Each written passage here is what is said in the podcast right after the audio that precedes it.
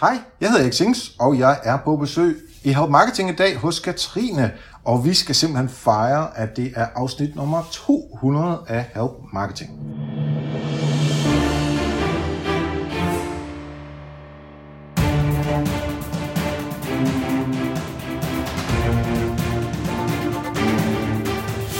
Det her er Help Marketing podcasten, lavet for dig, der arbejder med digital marketing, salg og ledelse, og som gerne vil opnå succes ved at hjælpe andre. Jeg hedder Xings, og Help Marketing producerer så min virksomhed, der hedder Nochmal. I dag der er der simpelthen afsnit nummer 200. Og hvem taler vi med? Jamen det er mig selv. Jeg har simpelthen inviteret mig selv som, uh, som gæst her i afsnit 200 af Help Marketing. Uh, og fokuset med Help Marketing er jo, at vi skal blive bedre til at hjælpe hinanden, fordi det er den absolut bedste måde at skabe succes for sig selv og andre på, baseret på værdifulde relationer. Men jeg er her ikke alene, fordi det ville være ret kedeligt, hvis jeg skulle, hvis jeg skulle introducere mig selv og interviewe mig selv.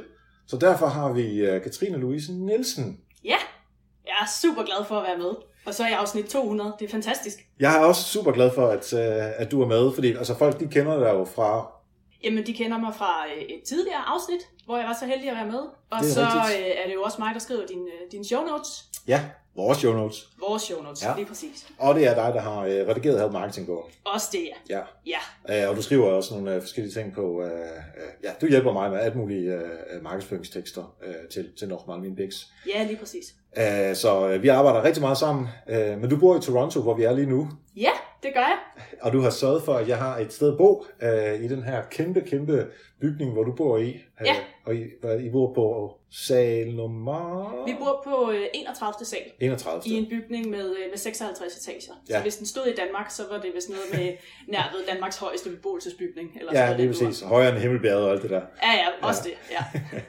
Nå, men jeg, jeg tror, vi er på hvad, anden, tredje eller sådan noget her, øh, hvor der er noget gæsteværelse, som, øh, som du har sørget for, at jeg kunne, øh, kunne lege mig ind på, Ja, lige øh, mens jeg er her. Øh, og det er super fedt. Vi bagefter, der skal vi ud og, øh, og fejre, at, øh, at der er 200 afsnit, Ja. og bare, at jeg er herovre på, på ferie og øh, hænge ud med jer. Ja. Øhm, og vi har jo også noget champagne her. Ja, Og så skal vi ikke lige, Skal vi øh, ikke skal vi lige- lige uh, lad skåle? os lige skåle. Ja.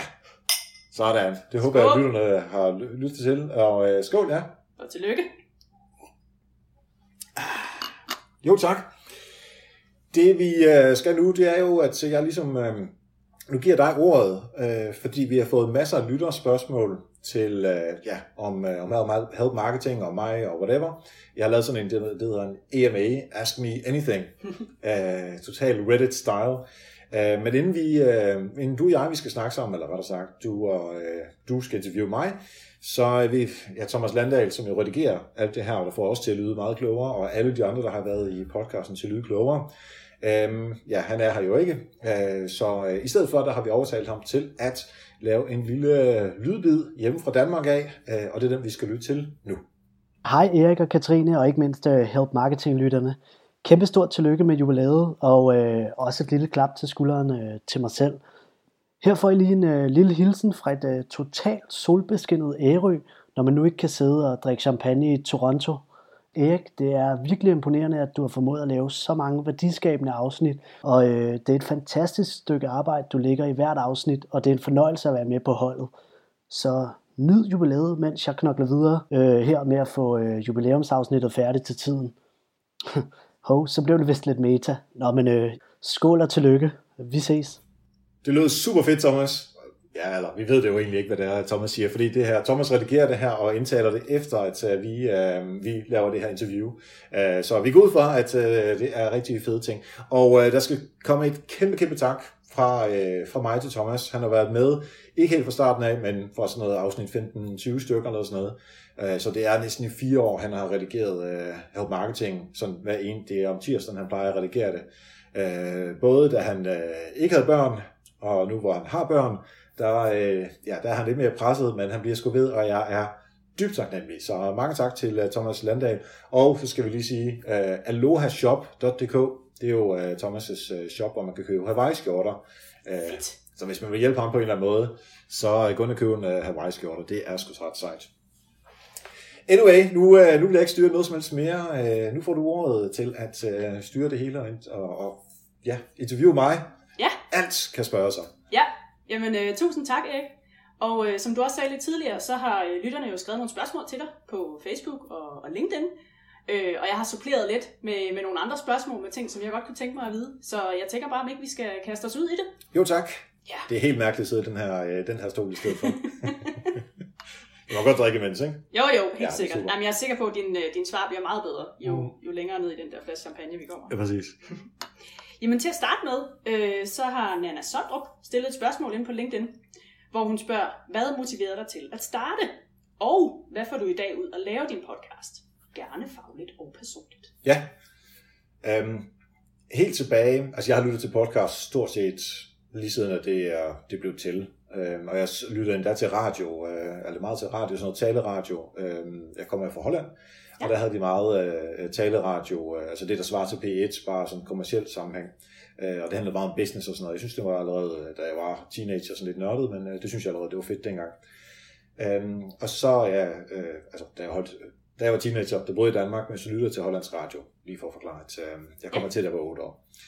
Øhm, men pointen var i hvert fald, at øh, jeg elsker at lytte til kloge mennesker, der, der taler sammen, og så være med på øh, øh, som den her øh, person, som egentlig bare kan lytte med på det, som de øh, bliver enige om. Og jeg, det er ikke fordi folk skal være enige, men bare det, at man taler sammen, så synes jeg, at der kommer nogle perspektiver på, og øh, så bliver man klogere af det. Så kan man jo vælge at sige, om det er den ene eller den anden, der er ret, eller bare sådan sige, begge to har ikke ret, og så har jeg min egen holdning. Øh, og det, det har jeg altid været fascineret af, og øh, så tænkte jeg, at jeg, det kunne være fedt at lave radio øh, og podcast, da jeg arbejdede på øh, det andet bureau, hvor jeg øh, har været på, altså inden jeg arbejdede i Bolius. Ja, Øh, men altså på, i bureauverdenen har man ikke tid til noget som helst. Øh, jeg havde en øh, kollega, Claus Jonsen, som også har været gæst her i Help Marketing, Ja. øh, som jeg snakker lidt med om det, og han har også lavet radio før, men igen, det kom aldrig, det blev aldrig til noget. Øh, og så sagde jeg op i øh, øh. Martin Kiese, som bureauet hedder. Øh, startede i Bolius, og så tænkte jeg, fordi jeg, jeg lavede Nochmal, mens jeg øh, stoppede, altså efter jeg stoppede i bureauet, og så gik over til, øh, til Bolius der, så havde jeg lavet min egen biks, der hedder Nochmal her. Øh, og så måske et halvt år senere, så tænkte jeg, nu gør jeg det sgu. Ja. Øh, og så gjorde jeg det sammen med, øh, med en, den hed CM-snakken, det var den første podcast, jeg lavede. Okay. Så Ja. der var simpelthen en, der kom før Help Marketing. Ja, præcis. Ja. Og der, der var det Troels hedder han.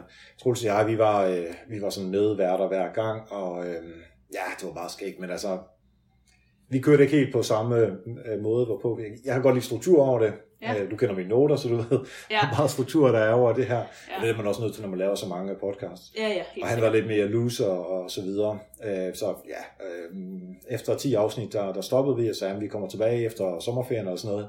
Det gjorde vi så aldrig. Okay. Øh, så sagde jeg til ham, jeg tror sgu ikke helt, det fungerer. Øh, altså, jeg snakker ikke så meget med ham i dag, men altså, han, er, han er stadig good guy. Så du har også prøvet, som måske nogle af lytterne også har prøvet, som har prøvet at kaste sig ud i det der med podcast, Ja. at det er også okay lige at teste af med et format, og så er det også okay at sige stop, hvis man ikke lige øh, ja, føler helt for formatet.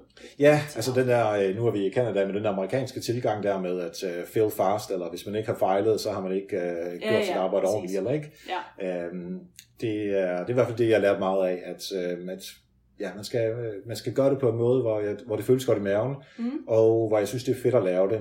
Øh, og jeg, jeg synes sgu ikke helt, at jeg fik nok ud af det, som jeg gerne ville. Øh, så jeg tænkte, jeg prøver noget andet, gør det selv, mere sådan en interview-tilgang. Øh, og på det tidspunkt var det kun uh, i Potter fra, uh, fra Pottercut, som, som lavede podcast om markedsføring i Danmark. Mhm. Og han var på sådan hiatus, sådan en, en længere pause, ja. som han fra tid til andet drillede ham stadigvæk lidt med en gang imellem. ja, det gør han vist en gang imellem. Ja, og det, og det skal han sgu også have lov til, fordi han har jo han har lavet det, uh, ja, før der overhovedet var internet nærmest. Ja, ja. Um, nå, men den pointen var i hvert fald, jeg tænkte, jeg vil prøve at lave det her uh, setup. Uh, jeg blev meget inspireret af uh, Tom Merritt fra Daily Tech News Show, Ja. Og så for den podcast, der hedder Social Media Marketing Podcast med Michael Stelzner. Så hvis man lytter til de to der og blander dem sammen, så, uh, så har man, så kan man i hvert fald godt se, hvor Help Marketing kommer fra. Ja, ja. Uh, og han, uh, Tom Merritt, der startede også med Patreon på det tidspunkt. Okay. Så tænker jeg, det prøver jeg også. Ja. Og så gik jeg egentlig bare i gang med at tænke over, hvad skulle det hedde. Og jeg blev meget sådan, øh, altså content marketing, det der med at hjælpe hinanden, øh, synes jeg var vejen frem businessmæssigt. Så jeg tænker, help marketing, det lyder sgu da meget godt. Øh, fordi det var content marketing podcasten, den fandtes allerede fra, fra USA. Ja, Øh, og jeg er egentlig glad for, at den gjorde det, fordi så bliver man jo bare associeret kun med content marketing, og det er egentlig ikke det, jeg vil. Nej, nej. Øh, det var sådan hele spektret af marketing og salg, som jeg gerne ville have med her. Øh, så det var egentlig derfor, at, øh, at jeg startede, øh, Mhm. fordi jeg ville have gjort det i lang tid, og så fik jeg endelig mulighed for det. Og så, øh, ja, første afsnit, så sad jeg ude hos Polius om aftenen og lavede det. Lavede et afsnit hver uge, og brugt 10-12 timer om ugen på det. Ja, ja. Hold nu op, der blev brugt meget tid. Jeg redigerer tingene selv, jeg skrev show, notes. Ja. Øhm, det er nok de dårligste show notes, øh, der er, fordi det var det, jeg lavede til sidst, og jeg gad bare ikke mere. Nej. Øh, så hvis jeg stadigvæk skulle gøre det, øh, nu, nu laver du jo show notes, og Thomas redigerer, øh, så hvis I ikke hjælp, så, øh, så vil Help Marketing være, ikke være her i dag. Nej, så vil du ikke være noget til afsnit 200. Nej, det vil jeg helt klart ikke. Så er jeg nok gået død på ja. et tidspunkt. Og hvis vi så skruer sådan lidt, uh, lidt fast forward i forhold til, til Nannas andet spørgsmål. Hvad synes du så, du får ud af det i dag? At lave den her podcast? Ja, der, der er lidt forskellige perspektiver på det, fordi øh, der er, der er et, et business-perspektiv på det i forhold til min virksomhed, hvor det er sådan en positionering af mig selv som, som en, som ved noget inden for, uh, for, for markedsføring og salg. Øh, og så eksempelvis også med Help Marketing-bogen, øh, som jo også øh, er baseret på podcasten, plus det er et, et, et salgs, altså podcasten er et salgsværktøj til, uh, til bogen og andet. Ja. Øhm, og, men det er også lige så meget for mig at, blive, at holde mig assure på, hvad der sker derude. Fordi altså, jeg, jeg er sgu ikke ekspert på alle områder inden for markedsføring, det kan man ikke være. Nej, og den, der siger, nej. det er det, altså, det er sådan et, de, de, det, det er simpelthen utroværdigt at sige det. Uh, det kan godt være, at man synes noget om, om ting, og det er fair nok, men altså det, det holder simpelthen ikke at sige, at uh, man ved alt inden for Facebook-markedsføring, og man ved alt inden for sponsorater, og, til, og man ved også, hvordan man optimerer landing pages, og man ved, hvordan man laver events. Altså det, det, det, dur, det, det er utroværdigt. Ja, ja. Uh, så derfor er jeg super glad for at få masser af kloge mennesker ind, og, uh, og gøre, sig, uh, gøre mig klogere, plus at gøre lytterne klogere på, uh, på det, de nu engang kommer med. Uh, og så kan de jo positionere sig på, uh, på det afsnit, de nu engang er med. Du var også med. Uh, du var igennem møllen, ligesom Ja, så mange andre. Uh, og det er, uh, så jeg får en masse viden ud af, og det netværk, det er også et godt netværk for mig. Hvis jeg har brug for nogen, der kan hjælpe mig med uh, et eller andet, som jeg ikke har tid til, eller ikke kan finde ud af selv, jamen så ved jeg i hvert fald, hvem der, hvem der er klog inden for et givet område. Ja. Og så kan jeg så spørge dem. Ja, ja. Uh, så på den måde, altså det er både netværk, det er viden, uh, og så er det sådan en, en uh, grundlaget, altså positioneringsmæssigt grundlag for, for hele min virksomhed. Super fedt. Nu nævnte du lige det her med, øh, hvordan du kom på navnet, navnet Help Marketing. Nu øh, er det nok heller ikke kun mig, øh, der har lagt mærke til, at inde på dit site, nokmal.dk, og også på, på selve podcasten, der er det meget orange. ja, Hvorfor er det så orange? Um, jeg nævnte det før, jeg er hollænder. Og når man ser Holland spille i uh, fodbold eller håndbold eller andet, så har vi jo altid orange tøj på.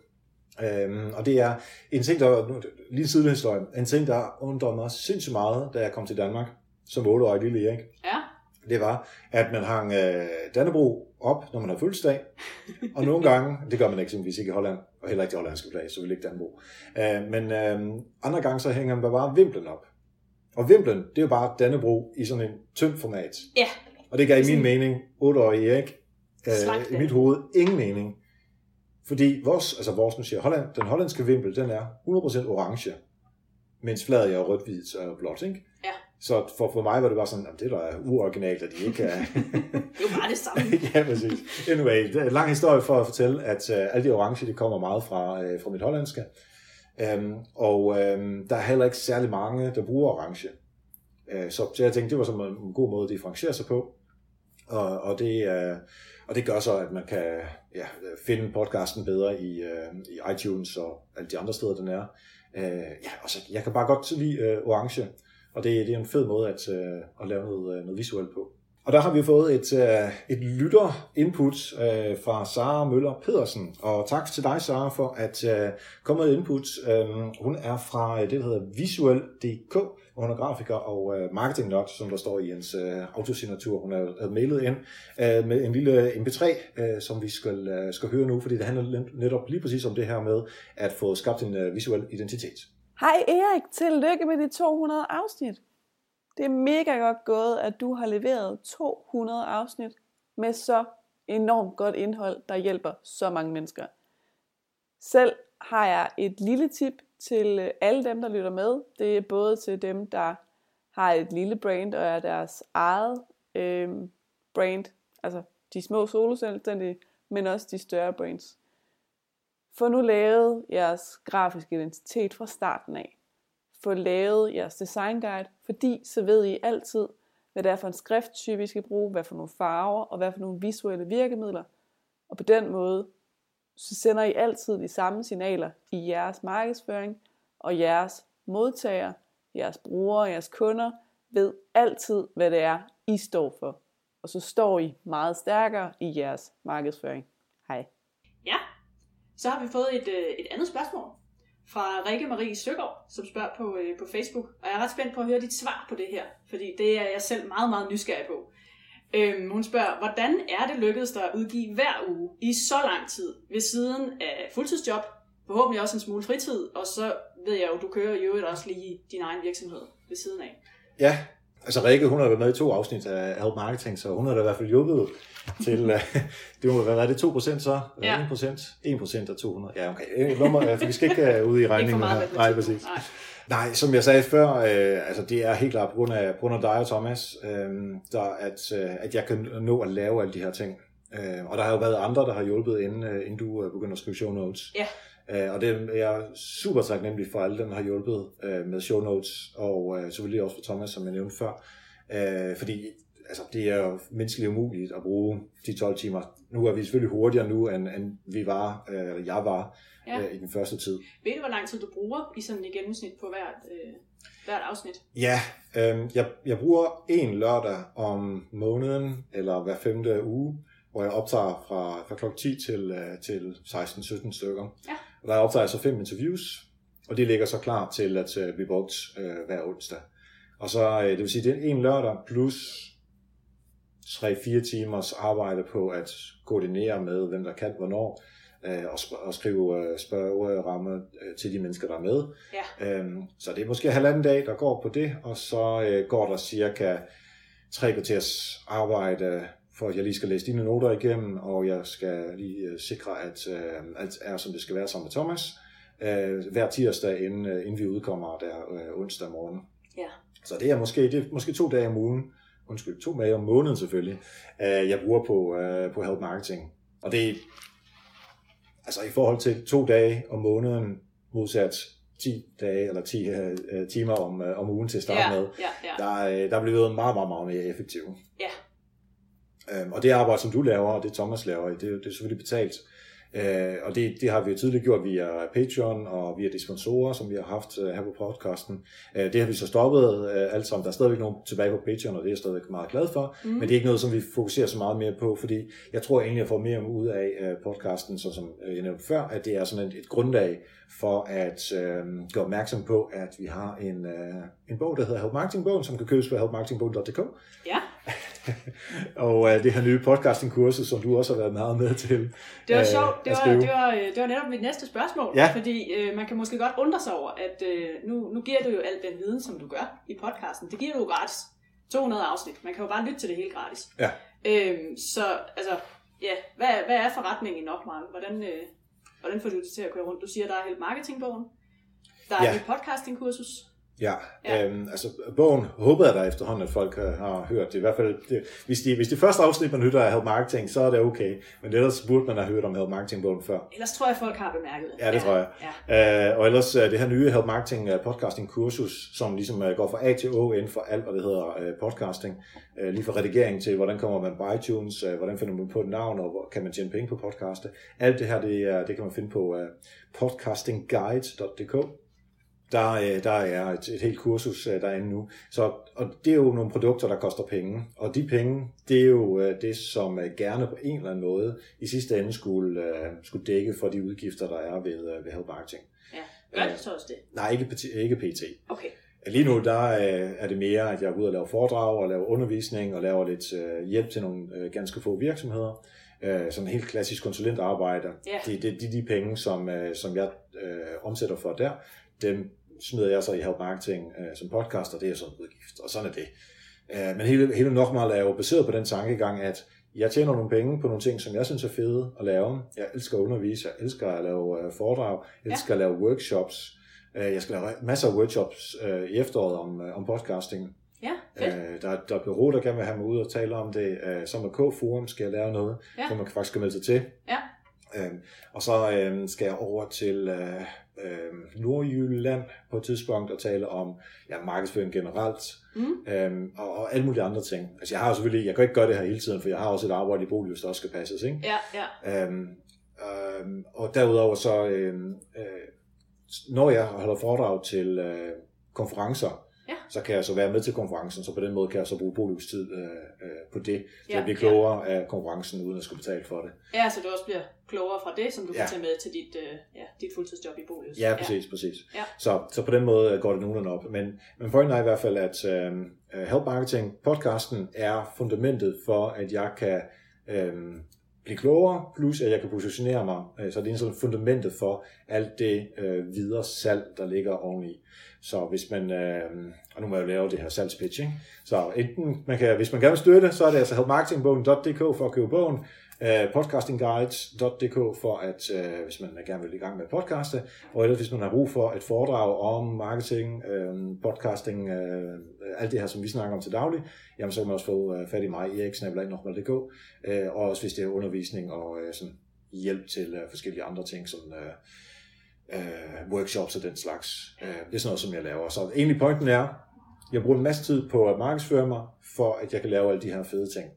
Øhm, og jeg kan sige, redigering og skrive show notes, generelt at skrive, jeg gider det egentlig ikke. Jeg synes ikke, det, det ligger ikke særlig højt på min liste af ting, som jeg synes er fede. Så kan man heldigvis hyre folk til det, Lige præcis. som synes, det er mega fedt. Lige præcis. Man kan jo gå ind på uh, klmcopyright.dk. Lige præcis.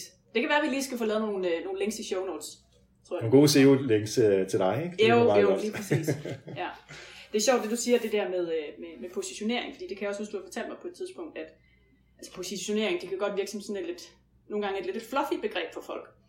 Men jeg kan huske, du sagde på et tidspunkt, at, at det, det, det egentlig betyder for dig, er jo, at du har ligesom vist, at du har noget viden om et bestemt område, så det betyder, at når folk henvender sig til dig, så er der ikke så mange indledende spørgsmål eller tvivl om, du kan det, du kan, eller Ja. om du virkelig skal koste det, du koster. Og det ved jeg jo også for mig som, som selvstændig, som jeg også lever af at sælge mine, mine timer og min viden, at man kan bruge rigtig meget tid på det der indledende arbejde, på ligesom at bevise, at, at man er sin, øh, sin, sine penge værd. Så det er jo også, ja, på den måde er det jo også et super fedt redskab med, med podcasten, at du sparer noget tid, Mm. når, øh, når kunderne henvender sig til dig. Ja, altså hvis man tænker salgstrakt, så er det fede jo, at øh, de folk, der tager fat i mig, de er sandsynligvis langt nede i salgstrakten. Ja, Det er ikke sådan, der aldrig hørt om mig. nej, nej. Og de er nok også overbevist om, at jeg nogenlunde kan det, som jeg går og siger, jeg kan. Øh, Så derfor er, er det bare meget nemmere at sælge. Selvfølgelig, hvis jeg, hvis, altså jeg vil ikke kunne, jeg kan ikke bare sådan sige, okay Bolius, nu står jeg, nu vil jeg ikke have øh, den løn, som jeg var for, for det er jo almindelig øh, fuldtidsstilling, som jeg har derinde. Det vil jeg nok ikke kunne gøre, og så øh, få den samme løn øh, ved at arbejde i, øh, i Nordmal, som lige med det samme. Men nej, ikke lige med det samme. hvis jeg var mere aggressiv i, i min markedsføring, øh, og det kan være, at nogen, der synes, det er for aggressivt, at jeg næv- nævner Help Marketingbogen hver gang, men altså, igen, det er, det er jo ligesom det payoff, der er, ikke? Altså, man Jo, får noget Det er gratis. jo gratis. Ja, præcis. Så, ikke? så ja. skal man også lytte- på en, øh, en enkelt annonce, egen annonce. Øhm, men der, der, vil, der vil jeg ikke lige fra dag 1 kunne, uh, kunne tjene de samme penge, men jeg tror ikke, det vil tage så lang tid, uh, før jeg kunne lave en helt fin business med at uh, lave markedsføringskonsulentarbejde. Nej, og undervisning. Hvis du ville det på et tidspunkt. Ja, hvis jeg ville det. Ikke? Ja, ja, ja. ja. Og det er også fedt, øh, altså ikke fordi jeg går med tanker om at ikke at være i Bolius mere, men hvis, altså man kan jo sige, at de ikke gad have mig mere, eller at jeg siger, nu, er det, nu må det være nok, så har jeg, altså, jeg, har, jeg tror, jeg har tidligere nævnt i andre podcasts, hvor jeg blevet interviewet, at jeg ser det som en slags uh, sikkerhedsnet for Ja. mig selv. Ja. Som sådan en, uh, i stedet for at være med i en uh, A-kasse. Alternativ til A-kassen. Ja, præcis, ikke? Ja. Øhm, og det er ikke fordi, jeg har noget mod A-kasser, men jeg, jeg synes egentlig, nu kan jeg selv de her ting, og jeg har et sikkerhedsnet, som jeg har opbygget ved siden af, så, så, øhm, så det er ikke et, et udtryk for, at jeg er imod A-kasser og, og den slags, men mere, at jeg kan bedre lide, at jeg selv kan styre de her ting, øh, og jeg er ikke afhængig af at skulle øh, lave øh, 25 ansøgninger om måneden, eller jeg ved ikke, hvad, hvad man skal øh, øh, Nej. i den situation der, vel? Øh, og det, det, det regner jeg heller ikke med, at nogensinde skulle komme ud for, fordi jeg har mit eget sikkerhedsnet. Ja, ja. Super god point. Så kunne jeg godt tænke mig at høre dig, Erik. Hvordan kan det egentlig være, at du valgte at podcaste til at starte med, i stedet for at blogge?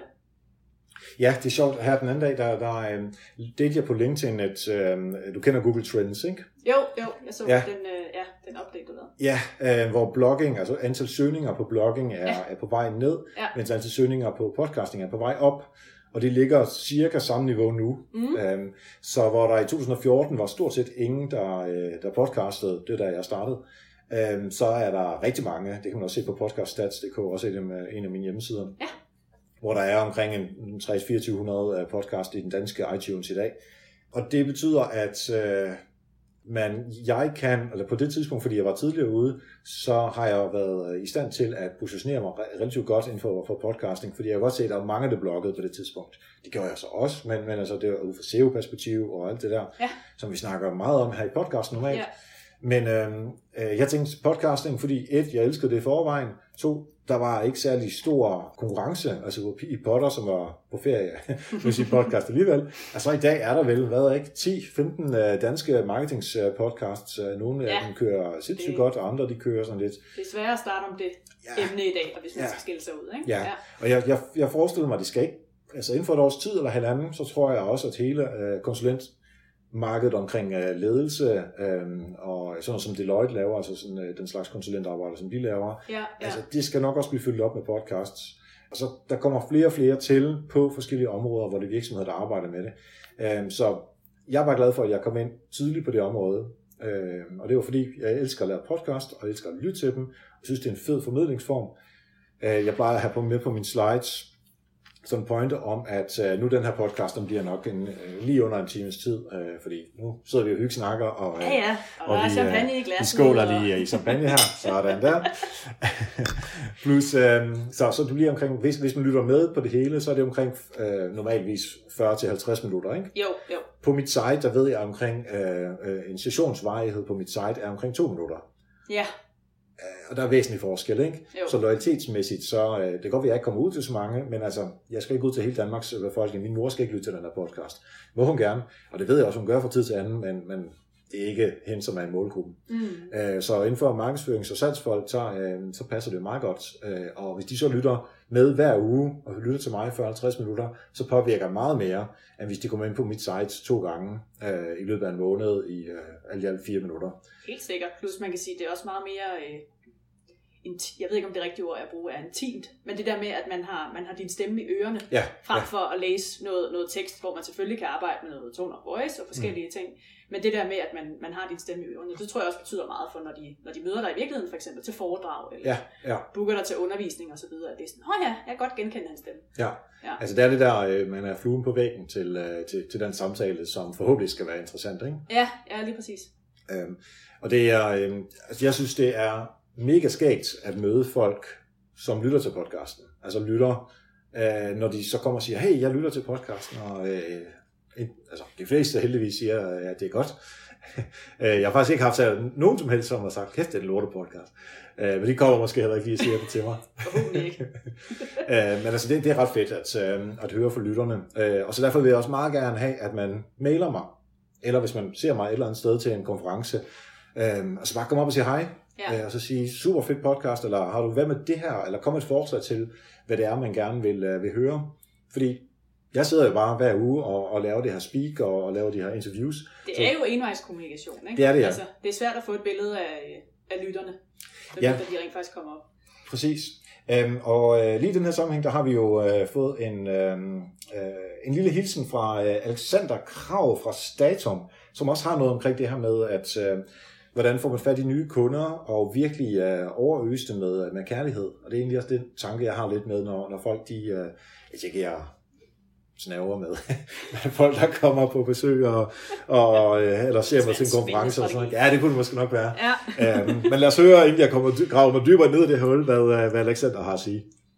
Mit navn er Alexander, jeg er marketingansvarlig i Statum, og jeg vil gerne give mit bud på den nemmeste differentieringsstrategi, hvis du har en IT-tech-platform, som øh, henvender sig til B2B-segmentet. Generelt, når man kigger rundt på den her type virksomhed eller platform, eller hvordan du definerer det, så er det hele meget trimmet og optimeret til, at kunden skal kunne finde ud af alt selv. Det vil sige, at det hele skal helst kunne fungere uden for meget kundekontakt, da det ikke er super skalerbart inden for tech. Men når du er en ny tech-platform og ny inden for det her marked, så er der ikke nogen grund til, at det hele er så strømlignet fra start. Øh, du har nemlig en unik mulighed for at give kunderne ekstremt meget kundekontakt og ekstremt meget opmærksomhed og derved skille dig ud. Og det er noget, vi har gjort. Det første, vi gør, når en øh, kunde opretter sig på vores platform, det er at sende en personlig velkomstvideo. Og det får vi sindssygt god respons på. øh, Og det gør faktisk også, at vi tit kan få sat et telefonopkald op, hvor vi kan on- sørge for at få onboardet folk ordentligt. Vi har faktisk også eksperimenteret med at sende en bloket øh, blomster til dem, som vi så ikke har kunnet øh, få fat på, hvilket også har givet sindssygt god respons. Og jeg ved godt, at ingen af de her ting er super skalerbart, men det er bare noget, der gør, at du skiller dig ud, fordi folk forventer generelt ikke en rigtig god serviceoplevelse, når de opretter sig på et B2B-produkt. Så mit råd er, tænk over, hvordan du kan tage nogle øh, øh rigtig gode serviceelementer. Du kan få øh, inspiration fra B2C-verdenen, som er virkelig dygtig til det. Og så tænk over, hvordan du kan få det over på dit B2B-tech-produkt. Ja, mens du lige øh, skænker lidt mere champagne, Erik. Jeg tænker, vi skal lige skåle igen, ikke? Det er Yes. jo 200 afsnit. Det er det godt nok. Skål! Skål. Så øh, har vi fået et spørgsmål mere. Og det kommer fra Mie Bilberg, som du faktisk havde på besøg i det sidste afsnit. Ja, det er rigtigt. 199. Ja. Og hun spørger, nu har du lavet 200 ekspertinterviews. Mm. Kan du nævne tre læringer, som du har taget med dig derfra? Det er altså meget svært at, øhm, at samle det. Øhm, og jeg tænker ikke, at jeg vil bruge læringer som i, at det er helt vildt vigtigt at øhm, sørge for links i sit PR-arbejde. Altså ikke sådan nogle øh, læringer. Jeg tænker også, det er sådan, måske lidt mere overordnet. Ja, præcis. Ja. Øhm, noget, der er meget vigtigt, synes jeg, og det her, det handler inden for marketing og salg, men det handler egentlig også, nu bliver det meget stort, men inden for sådan hele livet. Uh, livet. ja, præcis. Jeg må have noget mere champagne. Ja, det tror jeg øhm, nej, men altså, at, at man sørger for hele tiden at blive ved med at udvikle sig, hele tiden at søge efter viden, hele tiden at prøve ikke kun at blive klogere, men at lade sig inspirere og prøve at se, hvad er det for noget, der, øh, som jeg ikke ved. Øhm, fordi jeg, jeg kan huske, fra da jeg øh, var på, på øh, bureau, der var jeg rimelig arrogant, altså ikke til daglig, men arrogant i min tankegang om, at PR-strategi, som jeg arbejder meget med på det tidspunkt, Ja. at det var det eneste, der galt. Ja. Jeg arbejder ikke med paid øh, eller owned særlig meget. Nej. Øh, for min tanke på det tidspunkt var, paid, mm, hvorfor? Du kan bare gøre dig fortjent til det, altså ønt med PR. Det er da fjollet at bruge penge, så jeg så ned på øh, reklamebureauer øh, og den slags Ja, ja. øh, mediebureauer og sådan noget. Ikke? PR, det var ligesom det, var det eneste rigtige. Ja. Det eneste, der galt. Ja. Og det, og det er jo sindssygt arrogant. Ja. Ja. Så øh, Erik fra 2012-13 stykker skulle virkelig have et spark i røven, fordi det var, altså, det var så dumt. Ja. Øhm, og hvad har, jeg har jeg har været sådan i starten af 30'erne og sådan noget der, ikke? Og det er sådan lidt, hvorfor? Du kan ikke være i starten af 30'erne, og så tro, du kan det hele. Så det er i hvert fald en ting, som jeg synes, øh, eller som jeg har lært af, at have øh, dig og Mie og alle de andre 198, der har været på besøg, med alle mulige perspektiver. Og Det er der, altså noget med at blive ved med at, at simpelthen noget med at blive ved med at holde sig nysgerrig, mm, også i sit arbejdsliv, selvom man ja. Måske har øh, erfaring fra 5 til 10 år, så blive ved med at opdyrke Ja. ny viden og spørge mennesker om, hvad de laver. Og hvad, ja, ja. Ja, og det handler jo ikke bare om, hvad er det nye, hvor er den, hvordan er den nye øh, Facebook-annonce øh, mulighed for at få øh, lead-generering. Nej, nej. Altså selvfølgelig, det skal man også gøre sig opmærksom på. Men øh, nogle gange så har jeg nogle afsnit, som jeg kan se ikke får særlig mange downloads. Det, Ja. kan, det kan man jo ikke se, ikke? Ja. Øh, fordi de er lidt skudt ved siden af i forhold til øh, sådan klassisk SEO, eller Facebook-annoncering, eller PR, eller alle de her ting, som, ja, ja. som er klassisk marketing-ting. Ja. Og der tænker jeg, jeg synes sgu, det er lidt ærgerligt, at, at folk de tænker, ej, jeg, jeg gider ikke høre på, øh, øh, kommer lige med et eksempel, jeg gider ikke høre på et afsnit, som handler om, øh, hvordan det er at øh, komme ud og, og rejse, øh, når man er marketingsperson. Eller hvordan Visit Danmark får folk til, øh, øh, altså nordmænd og svensker til, øh, til Danmark. ja, ja. Øhm, ja, fordi det sidder jeg ikke lige og arbejder med. Nej, præcis. Altså Ja. sådan noget som øh, det der burgrise, som vi snakkede om, øh, da dyrenes beskyttelse var øh, Ja. på besøg. Ikke? Ja. Øhm, eller systemer til webshops. Altså, hvis du sidder og laver PR til dagligt, så er systemer til webshops godt nok langt væk. Mm. Men, og jeg siger ikke at det her, fordi man skal lytte til alle afsnit af Help Marketing, men jeg siger det, at man skal udvide sin horisont. Det synes jeg er en af de allervigtigste øh, ting, som jeg har lært, øh, at være ydmyg omkring det. For jeg, Ja. jeg kan mærke til stadigvæk på mig selv, at nogle gange, så falder jeg i det der igen, hvor jeg tror, jeg kan det hele. Ja. Og det kan jeg ikke. Der er nogle ting, som jeg kan, men der er også nogle ting, hvor jeg bare er nødt til at være ydmyg det forstår jeg ikke nok på, det ved jeg ikke nok om, så derfor øh, er jeg glad for at kunne snakke med alle mulige folk på den her måde, der kan udfordre mig. Øhm, så det, det er, øhm, nu sagde du tre, men nu får du den aller, aller, aller vigtigste ting. Det synes jeg simpelthen, det er det her med konstant at udfordre sig selv, være ydmyg omkring det, Ja. og øh, som du siger, være nysgerrig. Ja, ja. Godt svar. Tak. Men det er sjovt, det du siger det her, Erik, med at, ja, både at holde sig nysgerrig, og også det der med at, at prøve at lytte til de forskellige afsnit, fordi nu sidder jeg jo i en position, hvor jeg, jeg skal lytte til det hele.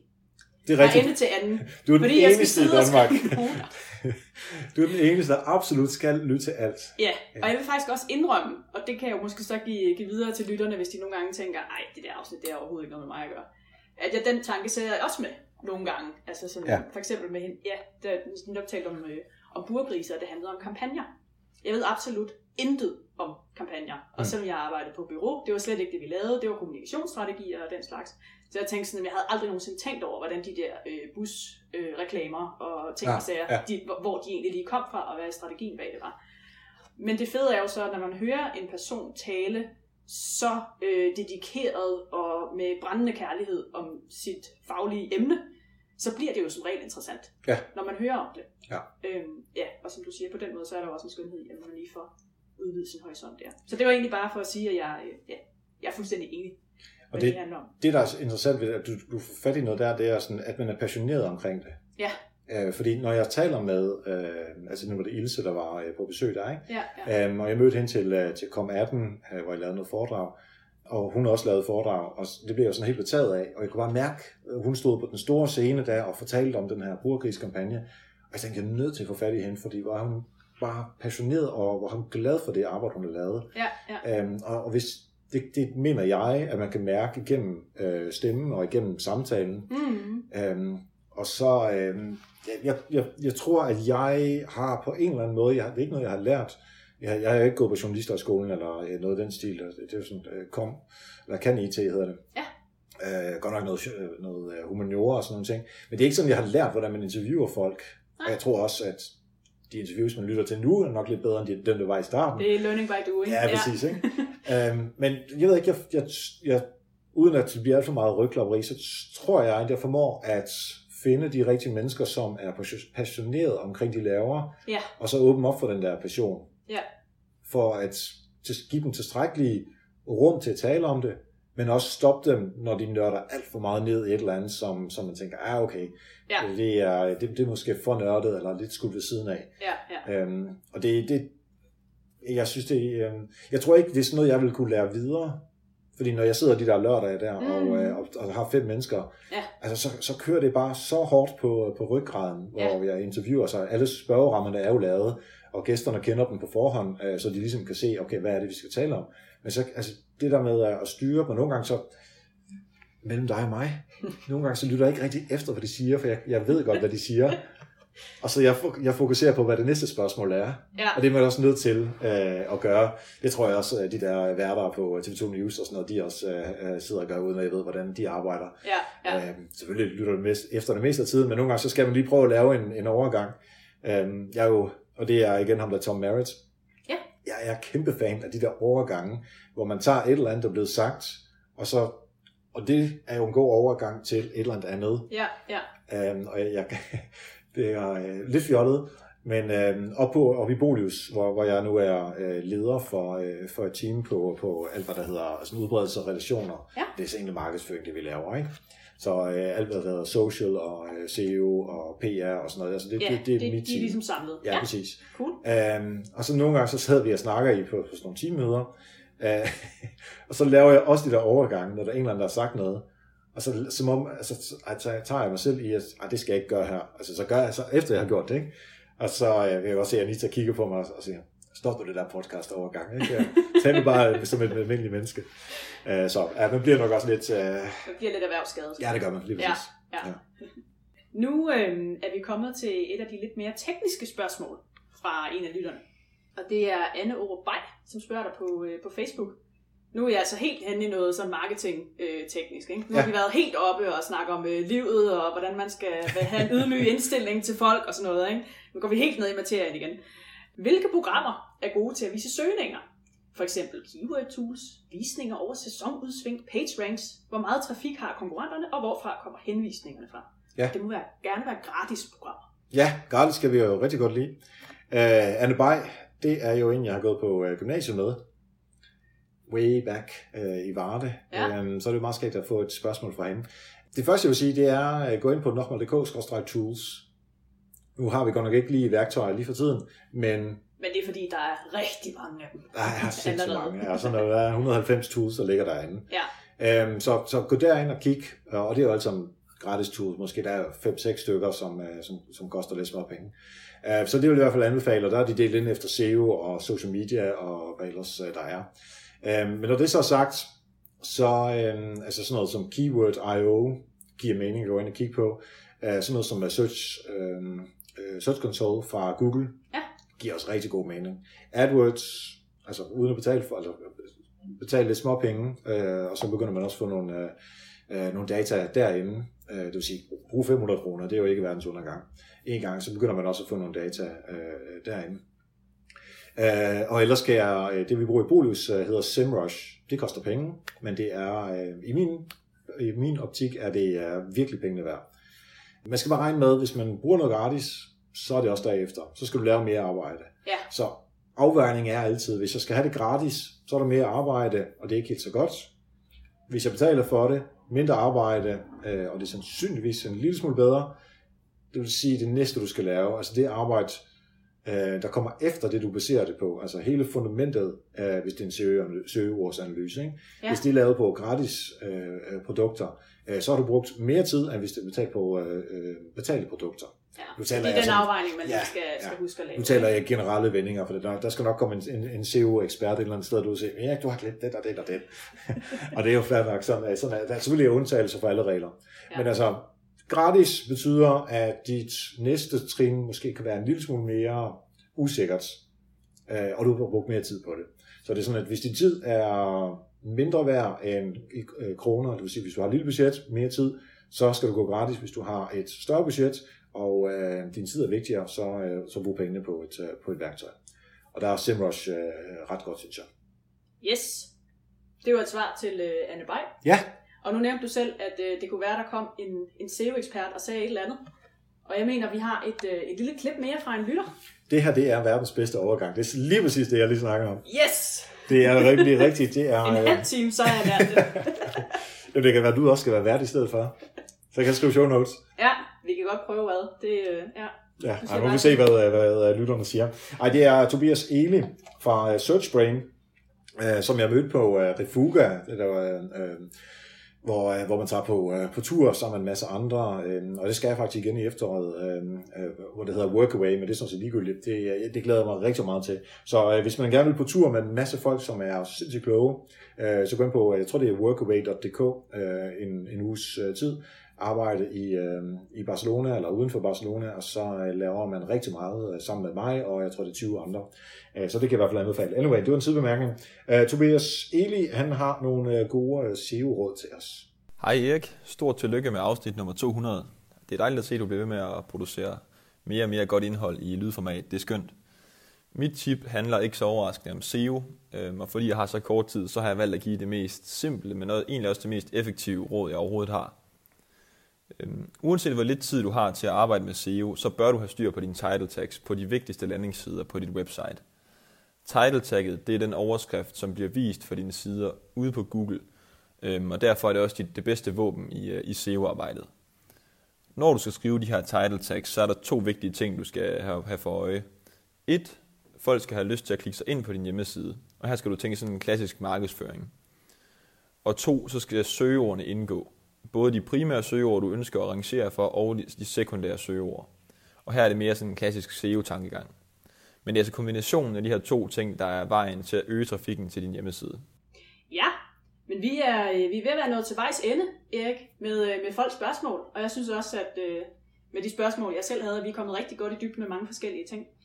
Så jeg vil egentlig bare spørge dig sådan her til, øh, til sidst, at nu har du afrundet med øh, afsnit 200 af Help Marketing. Hvad bliver så det næste? Jamen, der skal jo 200 mere på, for at...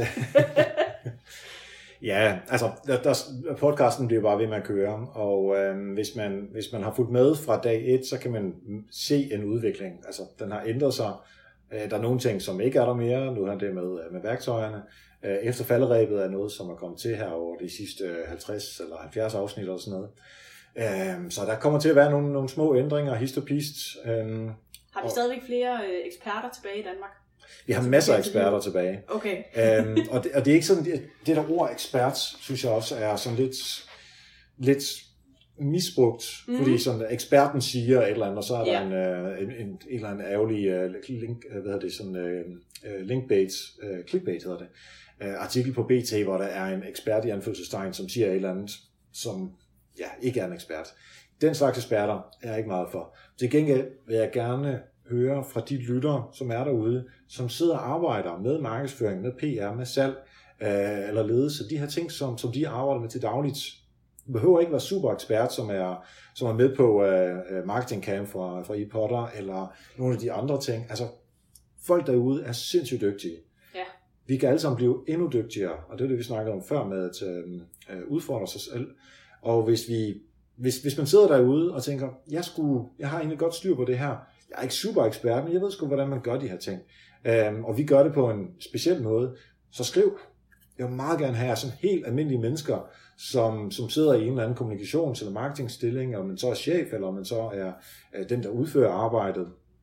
Ikke at sige, at chefer ikke laver noget, men øh, ja, det er en anden ting. Men så skriv, fordi det, det kunne være fedt at høre fra øh, lige præcis fra dig, som, øh, som laver de her ting. Så kan det være, at du skal være gæst i, øh, i Help Marketing, for at øh, dele den viden, som, øh, som du har derude. Det, øh, det, er ikke, det er ikke særlig farligt. Nu har du været med både som gæst og øh, nu også som, øh, som vært. Det er ikke farligt, vel? Det er ikke så farligt. Nej, okay. Nej. Slet ikke, når der også er champagne involveret. Nej, lige Så, præcis. Man må drikke så meget, som man har lyst til. Ja. Jamen, super fedt, Erik. Så er den opfordring givet videre. Vi skal have øh, 200 afsnit mere, så folk har bare at, komme og melde sig, så de kan få lov til at snakke om det, de er allermest passionerede om, når de går på arbejde hver dag. Lige præcis. Og øh, nu skal vi jo øh, til at stoppe. Vi skal op og øh, drikke lille drinks og øh, så videre. Det skal vi. Og du skal skrive show notes. Jeg skal have skrevet show notes. Ja. Ja. Vi skal jo ud på, øh, på onsdag. så jeg må lige skyde min ferie lidt endnu. Men Ja. ja. det skal nok også gå. Ja, fair nok. Øh, og de show notes, dem kan jeg jo finde på uh, helpmarketing.dk under afsnit nummer øh, 200. Og øh, mange tak, fordi du øh, vil tage øh, værtstjansen i dag. Jamen, det var så lidt. Hvis man øh, gerne vil høre øh, alle de gæster, som har været med i Help Marketing øh, tidligere, så øh, tænkte jeg, at det kunne være sjovt at slutte af med øh, en lille gennemgang af de tidligere gæster øh, på Help Marketing her i efterfalderæbet. Øh, og ellers tak for nu, og husk, vil hjælpe andre, og når du også selv succes. Vi høres ved.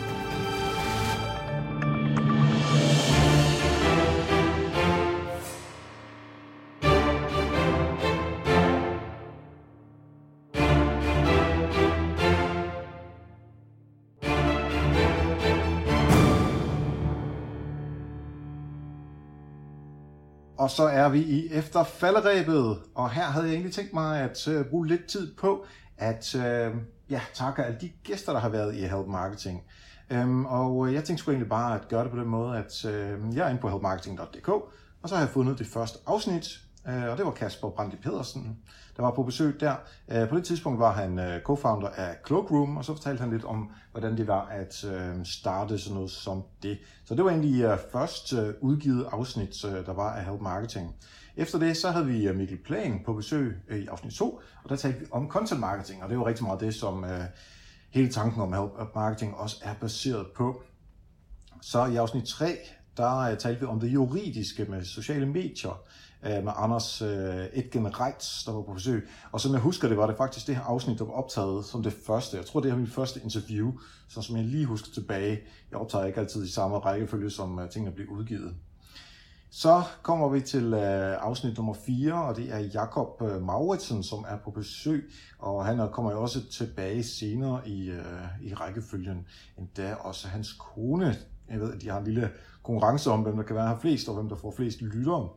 Nå, men i afsnit nummer 5, der havde jeg øh, Morten Bay på besøg øh, for at øh, tale om sådan noget som, øh, øh, hvordan man taler, øh, rettere sagt, hvordan man skaber digitale relationer.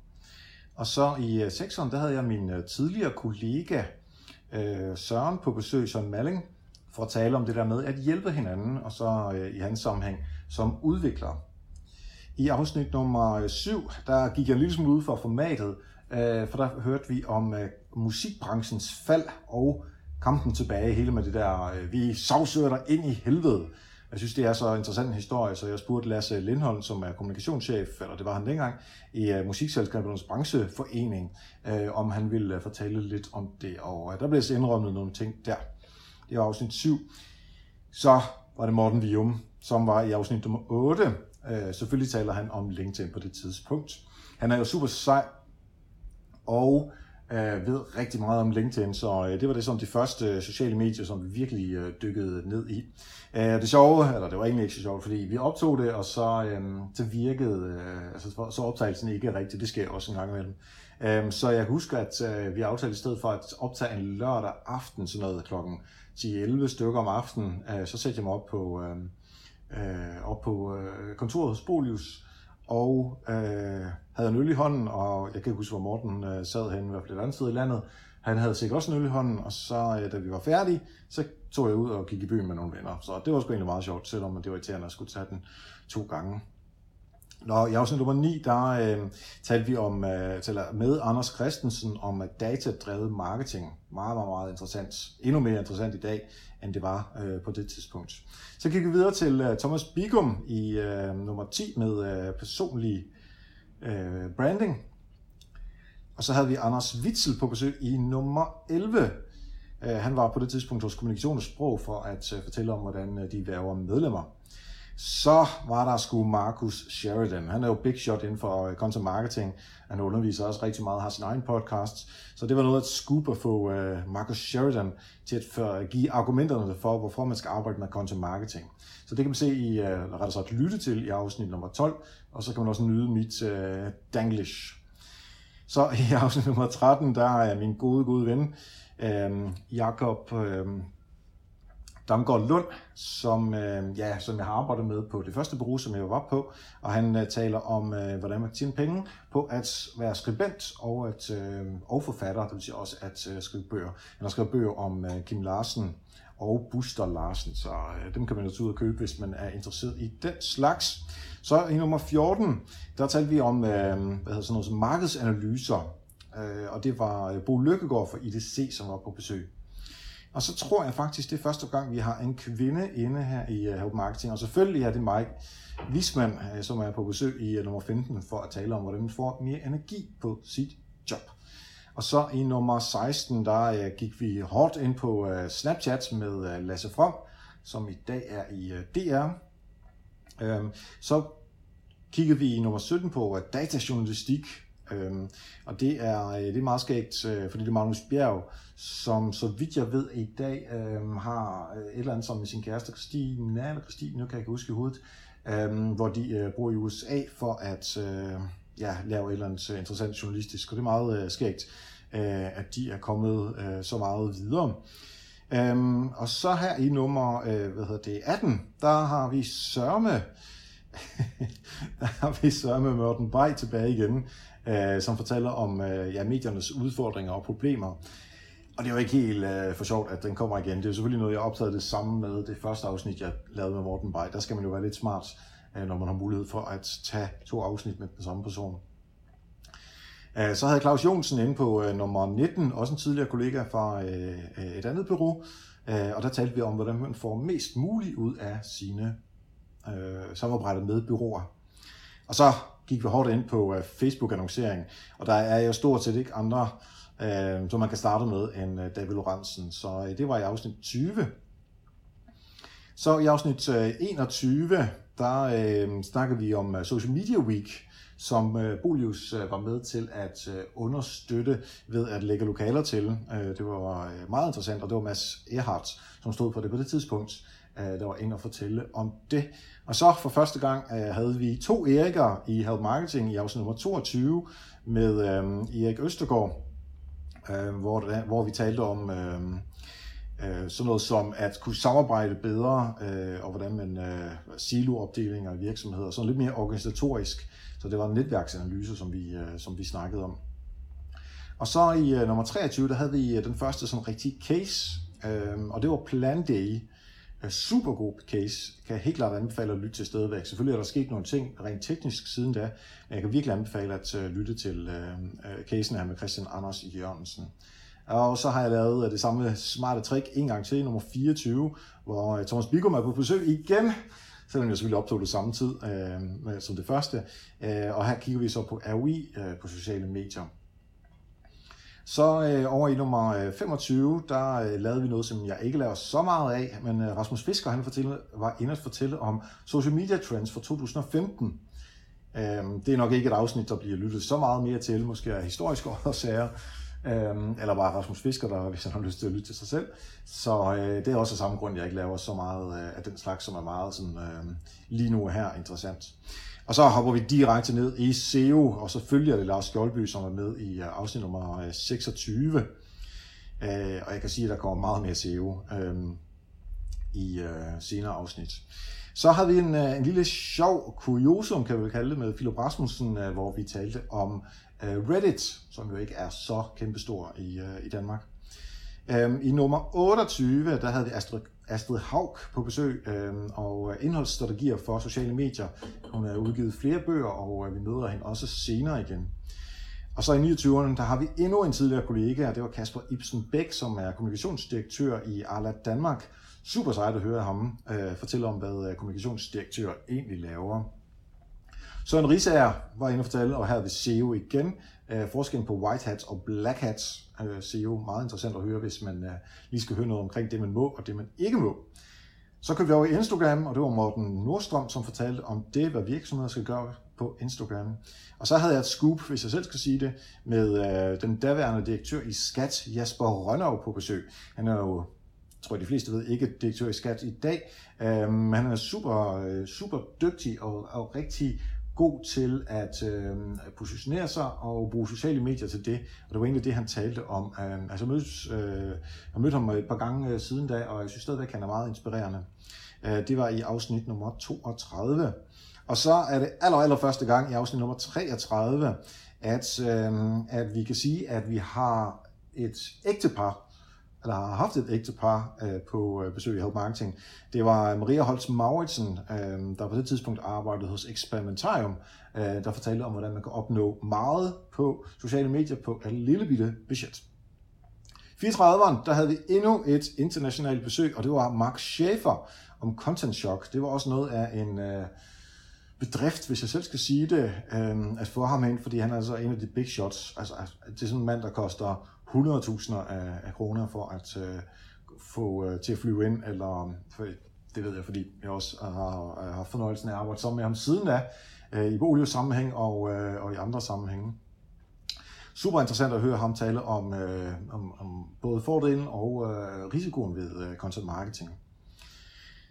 Så hopper vi over i memes i afsnit nummer 35, og det er stadigvæk meget interessant. Jeg tror faktisk gerne, jeg vil lave lidt mere af det her som visuelle, men det er lidt svært at formidle på, øh, på podcast selvfølgelig. Men altså, det er Oscar Laug Jensen, som var øh, på besøg her. Og så øh, Mr. Content Marketing øh, var på besøg i Joachim Ditlev, også ham, der står bag Content Marketing-bogen. Han var på besøg i afsnit nummer 36. Og i afsnit nummer 37, der, der gik jeg meget uden for formatet for første gang. Her øh, havde jeg spurgt 10 danske podcastere, om de har lyst til at øh, give input til, hvordan man skal lave en podcast.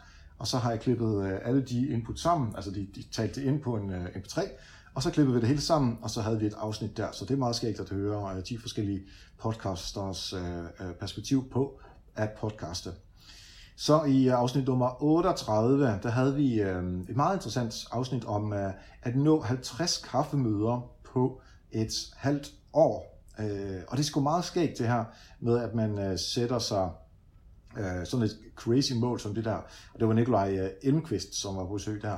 Og her på det tidspunkt, er Leif Carlsen, som øh, mange sikkert kender fra Social Selling øh, Radio, øh, hans podcast. Øh, jeg tror, den er på Haitis lige nu. Jeg har i hvert fald ikke øh, set så mange nye afsnit.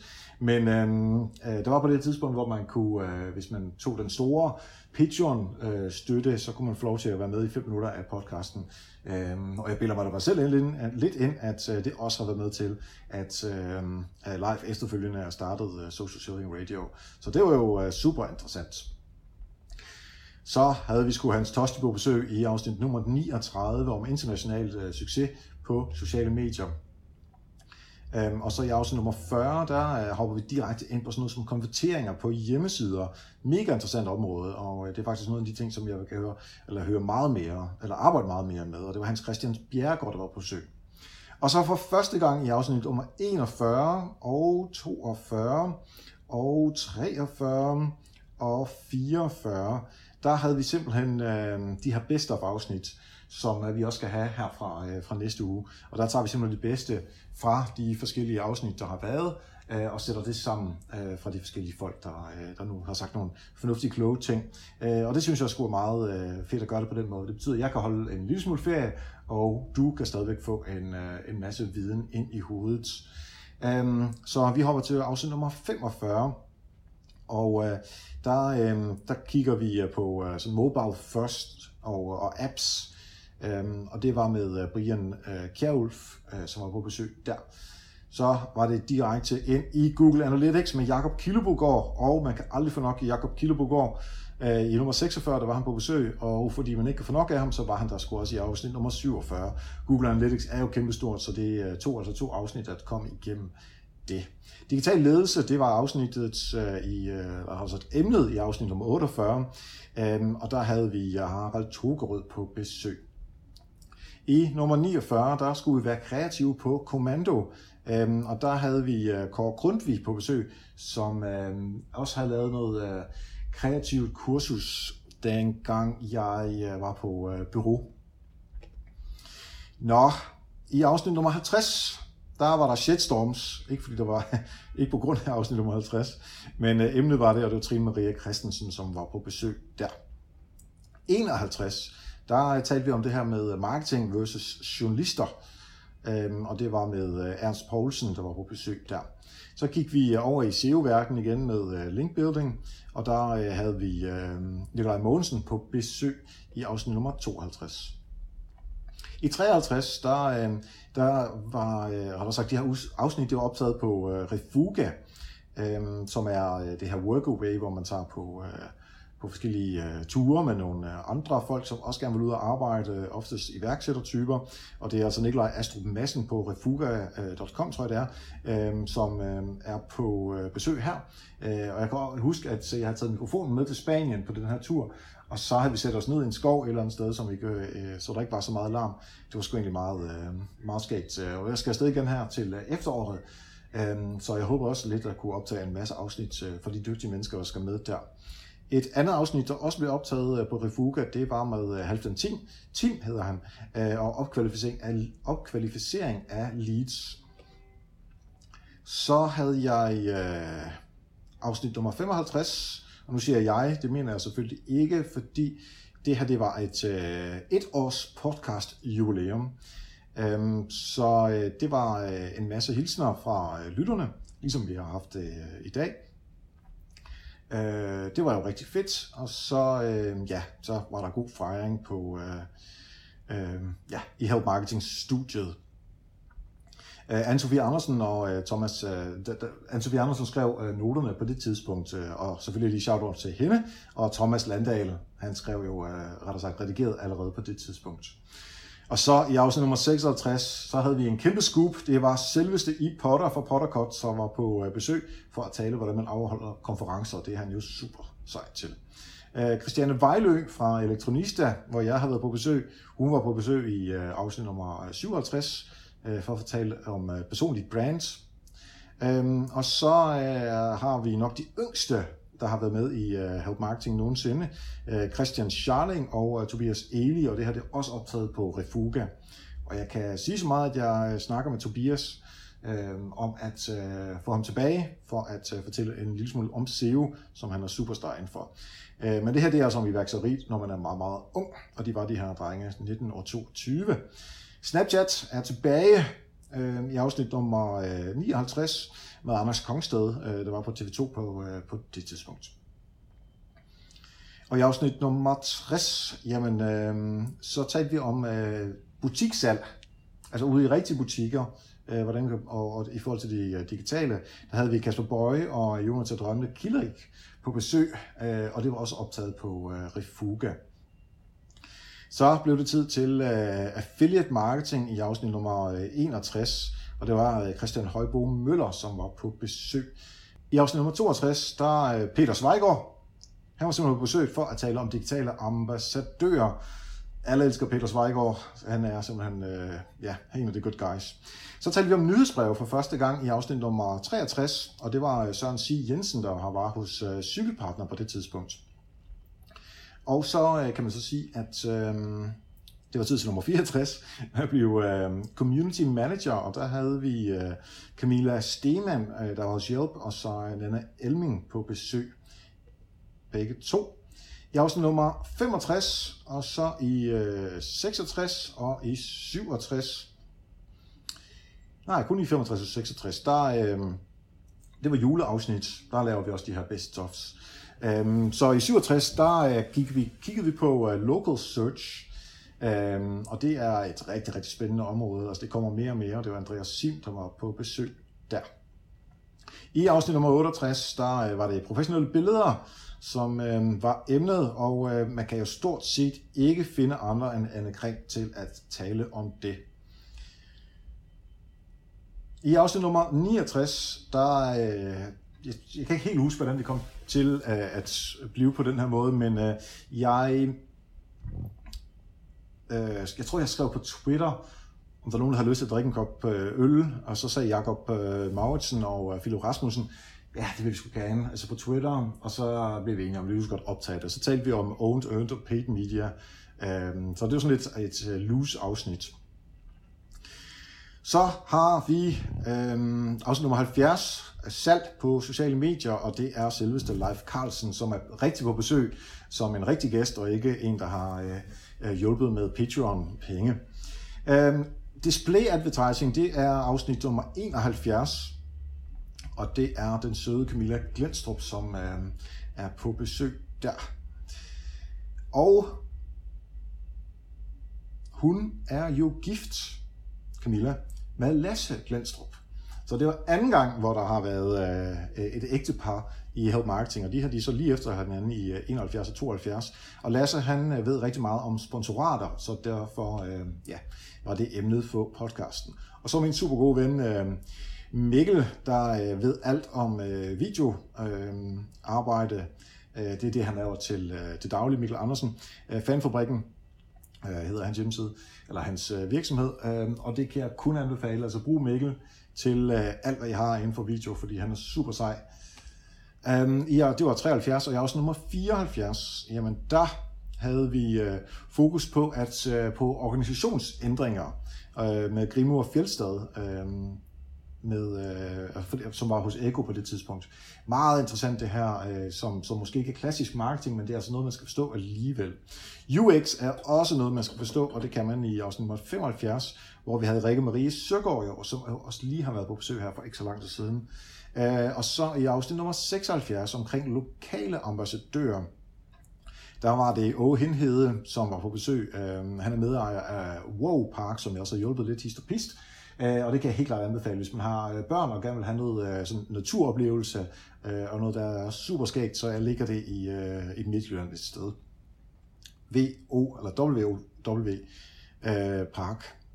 Og så rollefordeling på sociale medier i organisationer, det var emnet øh, i afsnit nummer 77 med David Ledstrup. Nummer 78, det var Facebook-annoncering. Igen, øh, og jeg kan fortælle, hvorfor det er. Det er simpelthen, fordi der var så mange, der downloadede afsnittet med øh, øh David øh, tidligere, øh, Lorentzen altså, om, øh, om Facebook-annoncering. Så tænker vi, så sætter vi øh, fokus på øh, priser øh, på det her. Og der var det så Kasper Bengtsson, som var på besøg, så det er altså et stort område, som øh, mange interesserer sig for. Lars Skjoldby, han er tilbage i øh, afsnit nummer 79 for at tale om søgeordsanalyser. Meget vigtigt. Noget, vi bruger rigtig meget i Bolius øh, øh, efterhånden, øh, og jeg synes, det er super interessant. Ikke bare for at finde ud af, hvad man kan med, altså hvilke ord man skal bruge i sin øh, SEO, sit SEO-arbejde, men også hele kampagnearbejdet. Altså hvad er det, folk interesserer sig for på forhånd, altså hvilke ord bruger det.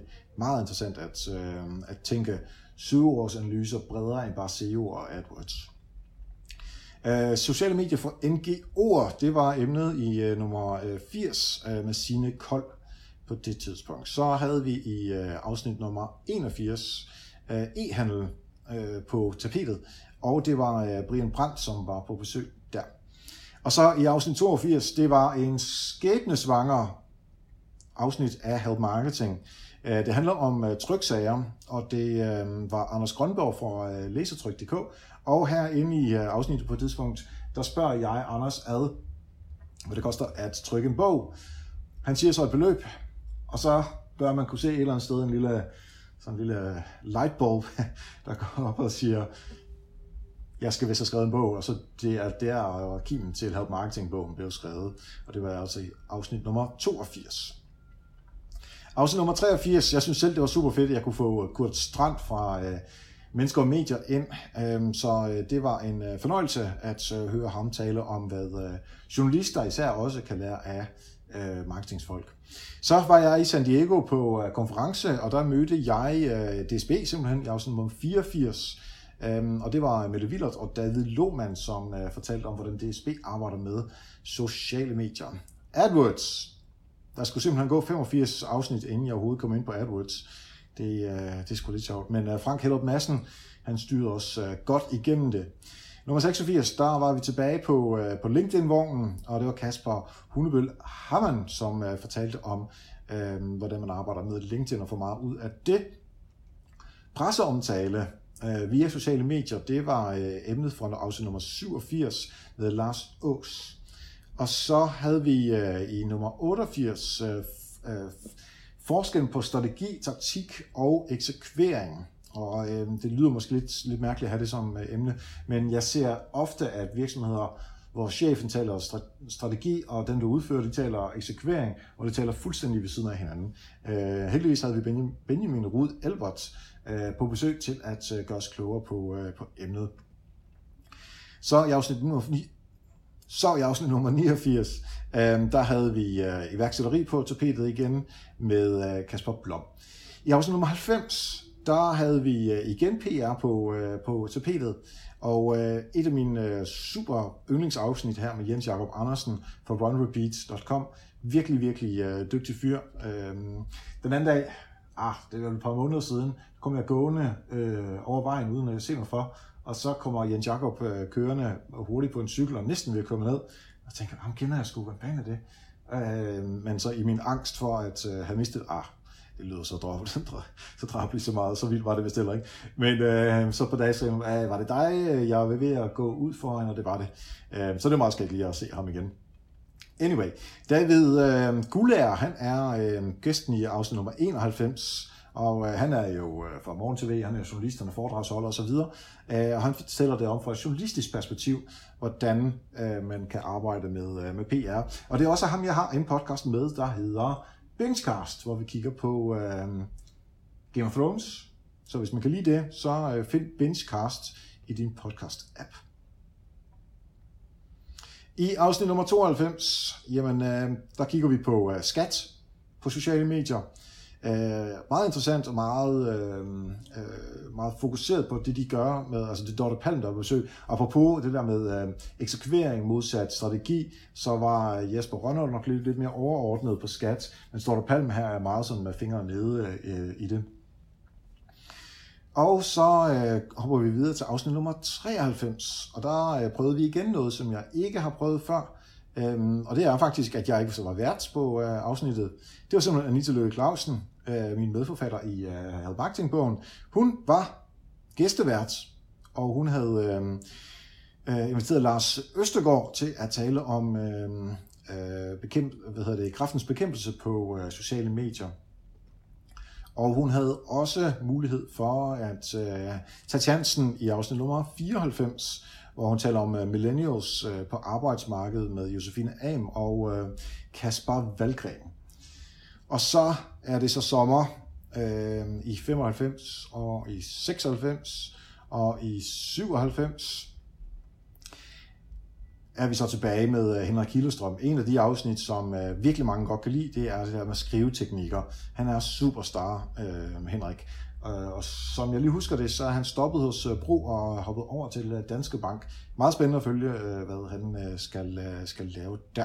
Det kan være, at han kommer tilbage på et tidspunkt. Vi, vi, vi kan kun håbe. I afsnit nummer 98, jamen der havde vi Jonas, Don, Jonas Donbæk hedder han, på besøg for at tale om WordPress. Der er rigtig mange, der bruger den CMS til at lave deres hjemmesider. Og så er afsnit nummer 99 en, en lille et skævt perspektiv på Øhm, det her med at øh, samarbejde med kunderne, i stedet for kun at sælge til dem øh, med We Economics. Og det var Peter Hesseldal, som øh, var på besøg. Og så hvem ellers end Anita skulle man have på besøg i afsnit nummer 100 for at fejre det. Så det er jo præcis 100 uger siden nu, at Anita og jeg, vi fejrede det, og hun talte selvfølgelig om neuromarketing, fordi det er hun jo nok en af Danmarks bedste til at tale om. Henrik Bundtofte er også øh, super sej, øh, og han øh, ved meget om øh, SEO, og de SEO-tekniske hacks af den mere tekniske karakter. Det er det, som han taler om i 101. Så går vi tilbage til WordPress igen i nummer 102, Øhm, og der er det Martin Hjort, som er på besøg. Og så er det stemmetræning for, øh, med fuld gennemslagskraft. Øhm, det er faktisk min stemmecoach, Claus Møller, som er øh, på besøg i afsnit nummer 103. 104, der taler vi om at skabe sin egen platform med øh, Lind Krupstrøm, og det er faktisk også en case, som vi bruger i Help Marketing-bogen. Øhm, så det er meget, meget, meget, meget interessant at se, hvordan hun... Det er jo egentlig content marketing, som hun arbejder ud fra. Så taler vi om at forstå data gennem øh, kunderne. Rettere sagt, det omvendt. Forstå kunderne gennem data. Øh, med Sami Vidal øh, fra, øh, på det tidspunkt fra øh, Zoologisk Have. Meget interessant. Også en af de øh, afsnit, som jeg lyttede rigtig meget til. Øh, derefter så øh, skulle vi høre om øh, i afsnit 106 øh, bibliotekernes øh, brug af sociale medier øh, med Katrine Bak Pasniuk og Jan øh, Johansen, som jo har været øh, Patreon og bare generelt kæmpe, kæmpe fan af Help Marketing og super øh, hjælpsom hele vejen igennem. Øh, han, øh, ja, ja, jeg kan ikke sige nok gode ord om Jan. Øh, og så min gode ven Troels Hedegaard Mortensen. De arbejder alle sammen på øh, forskellige biblioteker, øh, og det er så emnet i øh, afsnit nummer 106. 107, der visualiserer vi øh, rapporter og data. Det er sådan noget, når chefen øh, siger, nu skal vi se, hvordan tingene ser ud. Det øh, havde vi Anders Lunde til at hjælpe os med. Hvordan er man konsulent, social media konsulent i organisationen? Det er emnet for afsnit nummer 108 med Anne-Katrine Skald Sørensen. Meget interessant afsnit også. Igen ud for det organisatoriske, som man også skal have styr på. Den yngre målgruppe, det er øh, noget, som rigtig mange er interesseret i, i øh, inklusive kult, og der øh, Katrine Marie Klitgaard, hun har fortalte om, øh, hvordan de arbejdede med det hos kult, da hun var der. Øh, så har vi simpelthen øh, øh, afsnit nummer 110, og det er Mads Kramer, Uh, også byggemassen kan man også uh, kalde ham, uh, hvor vi arbejder lidt sammen med ham i Bolius, men det er en helt anden sammenhæng uh, her, hvor vi kendte ham. Um, Øh, Øh, og han fortæller om øh, at arbejde med øh, interne ambassadører. Så øh, gik vi over i native advertising i afsnit nummer 111, øh, og det er selvfølgelig med Jesper Laversen, som øh, øh, står bag Media Movers. Så i afsnit nummer 112, der kigger vi på øh, forskellen på øh, ja, e-handel i Asien og øh, i, øh, i forhold til øh, ja, Vesten, kan man vel sige, med Alan Vincents. Um, og så i afsnit nummer 113, der var vi på Affiliate Marketing Camp, uh, og der talte vi uh, så med uh, fire forskellige uh, personer, der uh, ville hjælpe os uh, med at forstå lidt. Uh, Patrick Lønne Hoffmann, og vi havde uh, Martin Andersen på besøg, vi havde Kent Schultz på besøg, og så Dennis Drejer, som uh, de fleste nok kender fra Rito. Øh, så de var alle sammen øh, inde og fortælle lidt om, øh, øh, hvordan man arbejder med affiliate marketing, og det blev optaget på Affiliate Marketing Camp. Video på mobilen, det var emnet for afsnit nummer 114, og det er Thomas Martinsen, som var på besøg. I afsnit nummer 115, der var det et lytterafsnit, og der havde jeg fået øh, tre øh, personer til at øh, øh, være med. Og det er Sten Krammer Rasmussen, Kasper Pedersen og Linnea Svendsen. Så det var tre øh, mini-afsnit i selve øh, i et afsnit. Og så er vi tilbage til helt klassisk help marketing øh, med CRM som emne, Customer Relationship Management. Herligt! Øh, Dan Lolk er øh, gæsten her. Og så er det omkring juletid, fordi 117, det var øh, juleafsnit, men så i 118, der er det, øh, det her, hvor vi annoncerer Help Marketing-bogen. Så Anita og jeg, vi er på uh, Gran Canaria, og vi annoncerer, at Help Marketing-bogen er altså noget, som uh, udkommer uh, nu her. Øh, eller rettere sagt skulle ville udkomme, om øh, da der vis, eller, viser at være ni måneder senere. Øh, så det er, øh, det er det, vi taler om, og så forudser vi, hvad øh, 2017 vil øh, komme til at øh, gå ud på. Så det behøver man måske ikke at lytte til, så der er sikkert masser af fejl i det. Sådan er det jo altid, når man prøver at forudsige øh, ting. Men øh, 119, der er vi i hvert fald tilbage øh, med et af de her øh, juleafsnit. Og så er vi øh, helt klar med øh, influencer PR og influencer marketing øh, i afsnit nummer 120, hvor Mads Karlberg øh, er på besøg. Og så vores superveninde Puk, hun er på besøg i øh, 121 for at fortælle om øh, forandringsstrategi. Især hvis man er bange for forandring, så er det et godt øh, afsnit at lytte til.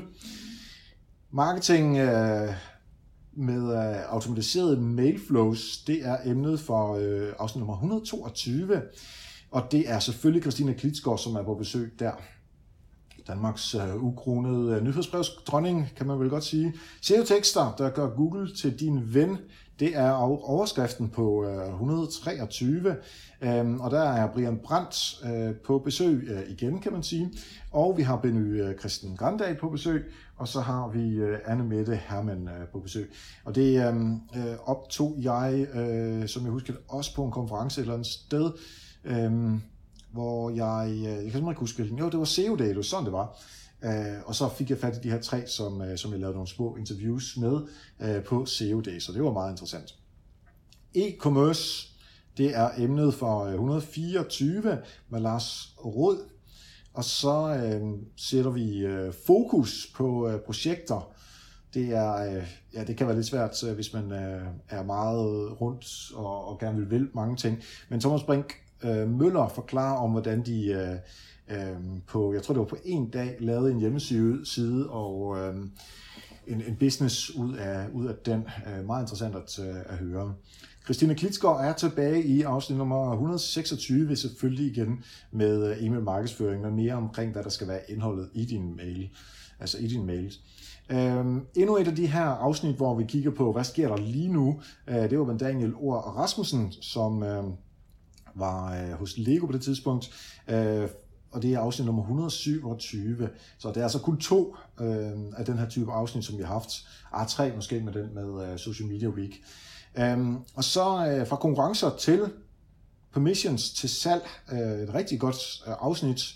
Jeg er blevet mere varm over for kon- øh, konkurrencer og bruge dem efter øh, Torben Rasmussen var på besøg, øh, som jo også har støttet os øh, med øh, Patreon mange gange, så øh, shout out til Torben øh, Rasmussen fra relationsbyrået i Julsen. Så skal vi over til afsnit nummer 129, og der øh, er der to, der kommer tilbage, som har været i Help Marketing før, og det er Lars Rasmussen og øh, Lars Ås. Øh, og fokus er på, øh, på Facebook Live og på Facebook grupper. Den øh, digitale ROI øh, er øh, emnet på afsnit 130, øh, og det er Kenneth Gorman Avnsted, som er på besøg her. Super, super, super godt afsnit.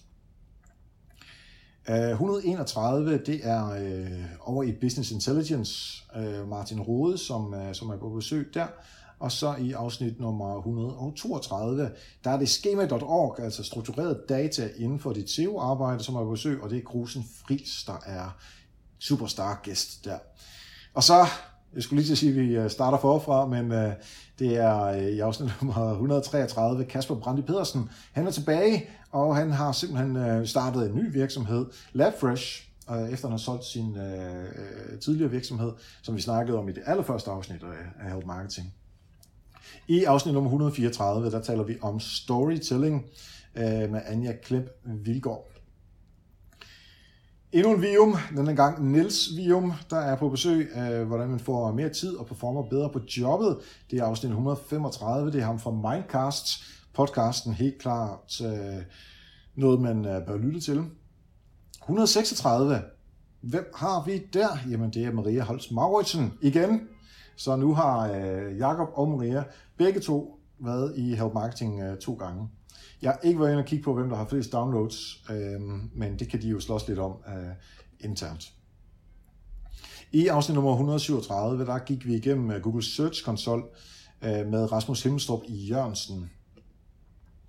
I afsnit nummer 138, jamen der kiggede vi meget på, øh, hvordan øh, øh content fejler eller får succes, så man ligesom, hvordan man, man sikrer øh, god content øh, med Morten Svane. I afsnit nummer 139, der prøvede jeg øh, noget nyt. Der var simpelthen tre øh, personer her, som øh, jeg ikke snakkede med. Øhm, det er Christina Velling fra Middelfart Sparkasse, øh, og så var det Jonathan Parisi fra fra MacCabler, som også er gæst senere hen, og så øhm, fra System Audio Ole Vitøft. Jeg simpelthen sendte dem spørgsmål, og så skulle de selv indtale, og så klistrede vi det sammen. Også for igen at prøve at se, om man kan lege lidt med formatet. Jeg tror ikke, jeg kommer til at lave det format igen. Jeg kan godt lide at snakke med folk. Um, og så er det sgu 140. Og det er en af mine yndlingsmennesker, Kim Dollars. Det er også ham, der har redigeret Help Marketing-bogen. Uh, han taler om, hvordan og hvornår skal man opdatere sin hjemmeside. 141, der bliver, in, der bliver jeg inspireret af Kim Larsen. Den hedder Split Test dig til succes og det er med Ole Gregersen. I afsnit nummer 142, der talte vi om, øh, hvordan man undgår øh, tyveri af sit content, og det var for anden gang, vi havde Søren C. Jensen på besøg. I 143, der talte vi om øh, budskabstræning med øh, min tidligere øh, kollega Nikolaj, øh, Nikolaj Buchhardt, og så i øh, afsnit nummer 144, et vildt super meget interessant afsnit øh, om Coop medlemskommunikation. Meget, meget, meget interessant. Øh, hvis, hvis jeg hvis jeg øh, havde overblik eller lyst til det, så ja, det er lige før jeg tænkte, ej, hvad jeg siger, op i Bolio, så stopper hele podcasten. Jeg har bare arbejdet sammen med Thomas, fordi det var virkelig interessant. Det er afsnit 144. Og så i 145, der havde jeg en tidligere kunde fra, øh, fra et bureau øh, på besøg, for at tale om øh, international øh, øh PR og, og arbejde sammen med bureauer. Det var Elke Wüschner Probst, øh, i dag en rigtig god veninde. Øh, hun bor i Tyskland, og øh, så derfor var det tredje afsnit, øh, som er på engelsk. Øh, og hun har en dejlig tysk accent, jeg har en dejlig dansk øh, med lidt hollandsk accent. Øh, så det var jo så fint. I afsnit nummer 146, 147, 148, der var det best ofs for, øh, for den sommer. Og så i afsnit nummer 149, der øh, fortæller jeg simpelthen om, hvad jeg synes, man skal gøre, hvis du skal lave øh, din egen podcast. Og jeg har kaldt den Eat, Sleep, Podcast, Repeats, ligesom jeg har en t-shirt, der også siger det. I afsnit nummer 150, der øh, har vi øh, Omnichannel Marketing med øh, Lufthavn, altså øh, Lufthavn i København øh, på besøg. Ikke Lufthavn, men Karen Bender er på besøg virkelig interessant at høre om, hvad de arbejder med. Det er altså meget avanceret. Det er sgu imponerende, hvad, øh, hvad Karen har formået at lave. Og så hopper vi over til noget helt, helt andet med Pelle Blakke, som øh, øh, har en podcast, der hedder Sulten efter succes. Øh, men han arbejder inden for øh, musikverdenen, og øh, så vi talt om markedsføring inden for musikbranchen. Så var det chatbots, som var øh, emnet for afsnit nummer 152, og der var det Ditte Julia Wolf Jacobsen, som var på besøg, og øh, jeg kan afsløre, at hun i dag også hjælper os i øh, Bolius med noget chatbot-arbejde, som vi laver. Så det bliver rigtig spændende at se, hvor vi ender hen der. I afsnit nummer 153, der øh, var Heine Åen Hansen på besøg, og der taler vi om øh, at øh, skrive tekster til, øh, til web og blogs som sælger.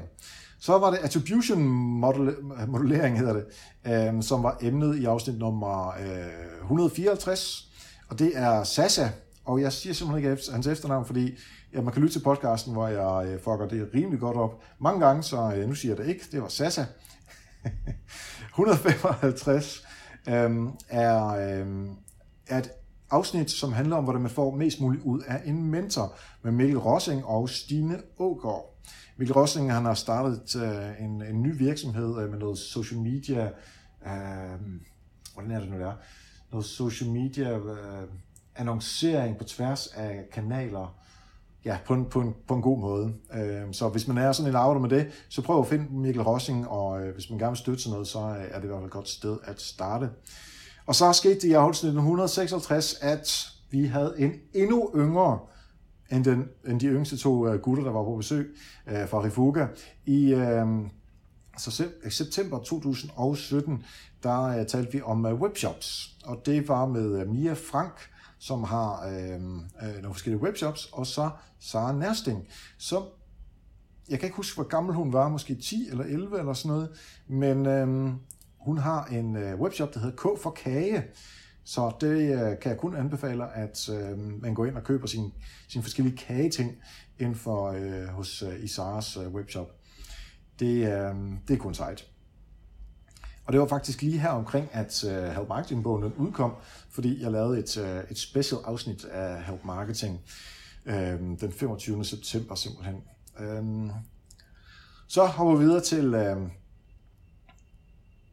afsnit nummer 157, og der øh, var det igen content marketing øh, med et salgsperspektiv. Morten Rosenvold Villassen, som var på besøg, uh, og han har, øh, han har også en egen podcast, der hedder UV-podcasten, altså undervandspodcasten. Øhm, og så øh, internationalt salg, øh, ud fra et marketingsperspektiv selvfølgelig, øh, det var øh, Hedbrand, som var på besøg i afsnit 158. Øh, han er så super sej. Øh, Airtame, det der han arbejder. Øh, jeg var ude og fortælle dem en lille smule om, hvordan Bolius arbejder med marketing, og han var inde og fortælle, hvordan øh, RTM arbejder for min Bolius øh, kollega. Vild cool fyr. Det er shout out til ham. 158, der var der simpelthen fire forfattere, der satte sig sammen. Jakob Killebogård, som jeg har haft på besøg, Astrid Haug, som jeg havde haft på besøg, mig selv, som ja, er med det hele tiden, og så øh, Morten Mønster, øh, som, øh, og vi talte simpelthen om, hvordan det er at være øh, ja, forfatter. Øhm, og øh, deres bøger hedder Jakobs øh, Online Evangelisterne, Astrid Haugs bog, Fremtiden tilhører det frygtløste, frygtløse, Mortens øh, er selvfølgelig Jytte for Marketing, og så Help Marketing-bogen herfra. Øh, der er øh, flere bøger, som de har skrevet, men øh, altså super godt, interessant afsnit at øh, lytte til, hvis du overvejer også selv at skrive en bog. Øh, så var der sgu øh, tre år med Help Marketing. Øh, og i afsnit 160, der øh, havde vi øh, fokus på AdWords øh, og, og display-kampagner øh, i det hele taget og det øh, havde øh, Andrew Lolk øh, godt styr på. I afsnit nummer 161, der var Søren Beckmann på besøg, og det handlede om øh, kunderejsen. Super sælger 162, øh, det gode salgsmøde, det var Leon Birdie, øh, der var på besøg, øh, som jo også har sin øh, egen podcast, der hedder Salg for helvede. Øh, I 163 det tog mig simpelthen 163 afsnit, øh, før jeg kunne få overtalt Morten Vadskær. Nej, det var ikke, fordi han øh, var svær at overtale, men jeg ved ikke, hvorfor det tog så lang tid. Men han var i hvert fald på besøg, og jeg gav også øh, nogle forslag til at øh, stoppe hullerne i webshop marketingsballaden. Så i afsnit nummer 164, så var der øh, øh, fokus på ambassadør igen, ud fra et øh, højskoleperspektiv med Janne Bavnhøj. I afsnit nummer 165, der var min gode ven på besøg øh, for at tale om øh, konceptudvikling. Øh, Daniel Norit Bodilsen øh, var ja, min gæst der. I afsnit nummer 166, der er vi tilbage på øh, UX-delen, som er Anders Toksbo. Han er altså super, super intelligent, så øh, det er virkelig en, man øh, bør følge, eller i hvert fald lytte til afsnit nummer 166. I afsnit nummer 167, der er igen lidt alternativ perspektiv omkring bestyrelser. Lars Bruberg, der var på besøg der. I afsnit nummer 168, der øh, havde vi endnu en af de her øh, digitale tendenser øh, fra 2018. Lars K. Jensen øh, fra Digital Urevy podcasten, der var på besøg der. Og så i afsnit 168 og i afsnit 100, 69, øh, og i afsnit nummer 170, der var der øh, sommerafsnit, øh, også i afsnit 171. Og så er vi tilbage øh, i øh, 10. januar 2018, så nu var der ikke længe før vi, øh, før vi har været alle igennem. Der var det øh, digital strategi med Heidi Kulin. Virkelig godt afsnit. Meget, meget, meget øh, insightful. Marketing Automation 101, det var afsnittet øh, i, øh, eller emnet i afsnit 173, Øh, Bernd Elkær Pedersen selvfølgelig øh, fra øh, Marketing Automation-bogen, som jeg helt klart kan anbefale, og han var også på besøg i afsnit 174. 175, det er øh, saftigt content til øh, B2B. Man kan mærke, at øh, Katrine Louise Nielsen nu øh, er trådt ind og, øh, og skriver noterne. Øh, Thea Jebsen er på øh, besøg. Hun er for Infomedia for at fortælle om, hvordan de skaber leads. 176 øh, sociale medier øh, i medlemsorganisationer var emnet der med sine Bisbjerg, super dygtig øh, dame, kvinde, hvad nu man siger. Øhm, og så var det øh, i afsnit nummer 177, hvor øh, Line Fris var på besøg for at tale om øh, øh, webshops for øh, øh, der, der sælger tøj til gravide og øh, folk, der ammer. Øh, Family to be, det er også en case, som vi bruger i Help Marketing på. Så i afsnit 178, der handlede om ledelseskommunikation, der var min gamle kollega fra øh, et bureau og min gamle, gamle kunde, da hun arbejdede hos Microsoft, øh, og i dag bare min, øh, min veninde, Mette Schønemann, på øh, besøg, øh, som er Head of Communications hos øh, Deloitte i Danmark. Øh, GDPR, åh oh, gud, det var, det var emnet i afsnit nummer 179 med Lars Due Nielsen. Det er noget, som vi stadigvæk arbejder meget med. Øh, det håber jeg i hvert fald alle gør derude. Linda Greve var på besøg i øh, afsnit nummer 180 for at lære os, hvordan man laver de bedste præsentationer. Øhm, og øh, så havde jeg også min, øh, min kollega på besøg, øh, Alexander øh, Ravnsholt, for at tale, øh, hvordan man øh, performer altså med de her præsentationer, når man stammer, for det, det gør han, og så var det sgu meget fedt at øh, lige få lov til at øh, lave et lille ekstra afsnit med ham om det. I afsnit nummer 181, der er AdWords igen på øh, øh, øh fokus, og øh, det er øh, Anton Hølstad, som er på besøg. I afsnit nummer 187, der har vi Mikkel Andersen på besøg igen, og det er engagerende videoer til social afsnit nummer 183 handlede om Pinterest, og det havde vi faktisk aldrig snakket om før i, øh, i øh, Help Marketing. Det var Mike Kjærsgaard, som var på besøg der, så det var fedt. Afsnit 184, det var med øh, Emil Christensen, for at tale om, hvordan man prioriterer sine marketingstiltag. Og han var også på besøg i afsnit nummer 185 med øh, endnu en gang prioritering og Scrum Marketing. Øh, han er jo fra Sleeknote. Så i afsnit 186, der var Henrik Kepler på besøg fra Full Rates for at tale om de kunderejser, som de arbejder med. Og så havde jeg egentlig lyst til at invitere Anita ind igen, for jeg synes aldrig, hun havde fået sit helt eget afsnit. De gange hun har været med, så er det fordi, der var jubilæum, eller fordi der var Help Marketing Bogen eller noget. Så øh, vi talte om nogle lavpraktiske netværkshacks i afsnit nummer 187. Og så i afsnit nummer 188, der var det hacks til at arbejde på farten og øh, remote.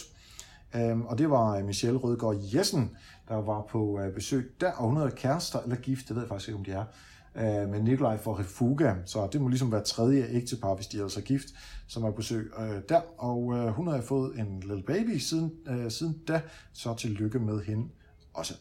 Øhm, um, 189, der um, talte vi om systemer til webshops, så ikke bare marketingsdelen, men også alle de andre ting. Og det var så Jonathan Parisi, der var på besøg. Uh, igen, Øh, han var jo med på et tidligere tidspunkt, hvor der var tre med.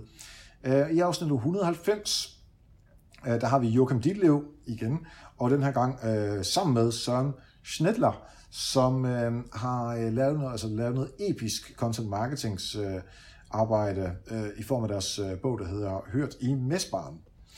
Øh, hør, hvordan de bruger den til at skaffe leads. Det er meget interessant. Burgrise, det var emnet for afsnit nummer 191 med Ilse Christensen. Super øh, interessant afsnit. Og så salg via Amazon. Det er vi alle sammen mega bange for uha, når de kommer. Øh, men der øh, vendte vi det altså på hovedet, altså Lars Mansfield, Gies og jeg, og sige, hvad kan vi gøre nu? Altså, hvordan kan vi få noget ud, i, ud af Amazon, i stedet for at bare være bange for dem? Så var der afsnit 193, og så Katrine Louise Nielsen. Selvfølgelig skulle hun også være på besøg. Hun fortæller om øh, syv byggeklodser, byggeklodser til at skabe den øh, perfekte tekst. Så det var jo øh, lækkert, og hun også fik lov til at sidde i øh, gæstesolen, øh, hvor hun lige har været igennem og være i værtsstolen for en enkelt gang. Så var der afsnit nummer 193, øhm, hvor øh, vi taler om, øh, undskyld, 194, hvor vi taler om øh, konverteringen øh, konverteringer på landingssider med Carsten Nygaard Nielsen. I afsnit nummer 195, der talte vi om account-based marketing øh, hos Lenovo. Altså der, hvor man måske har 100 øh, kunder i stedet for 1000 og 10.000 og 100.000 af kunder, og hvordan man arbejder med det. Paul Bastrup fra Lenovo var på besøg der. I afsnit nummer 196, så var det Visit Danmark øhm, case med Peter Krusberg, Krusborg, undskyld, og afsnit nummer 197 handlede om medietræning, hvordan du medietræner dine kollegaer med sine tonsbær. I afsnit nummer 198, der havde vi øh, inbound marketing som emne, og det var Rikke Marie Søgaard, som var på besøg igen. Og så er vi nået til sidste uge. Øh, I afsnit nummer øh, 99, der hørte vi om, altså med Mie der hørte vi om øh, almindelig brand og øh, ja, en øh, content marketing øh, tilgang, som de har brugt. Og så i dag, ja, så må de jo nøjes med mig, og øh, heldigvis var Katrine der også, og øh, nogle søde mennesker, som også har sagt nogle øh, søde lyttere, som har sagt nogle ting. Kæmpe, kæmpe, kæmpe, kæmpe, kæmpe tak til alle jer gæster, der har været med. Kæmpe tak til alle jer, der har støttet på en eller anden måde øh, økonomisk via Patreon eller via MobilePay. Pay. 41, 42, 75, 67, hvis man skulle have lyst til det. Øh, eller har købt Help Marketing-bogen, eller har købt øh, podcasting-guiden, eller har øh, brugt mig til foredrag, eller har brugt mig til konsulentydelser, eller noget som helst andet. Også mega tak til jer, der har talt om podcasten, har nævnt den til andre, har skrevet om den, har delt den på sociale medier. Det er virkelig, virkelig noget, som jeg er sindssygt glad for, og jeg er meget stolt af, at der er folk, som, som vil gøre det her. Efter de her 200 afsnit nu. Noget, der øh, startede for, for næsten fire år siden, som, ja, som er en stor del af mit liv i dag. Og øh, ja, det er det sidste, jeg vil sige, det er bare et kæmpe, kæmpe stort tak til dig, der lytter med.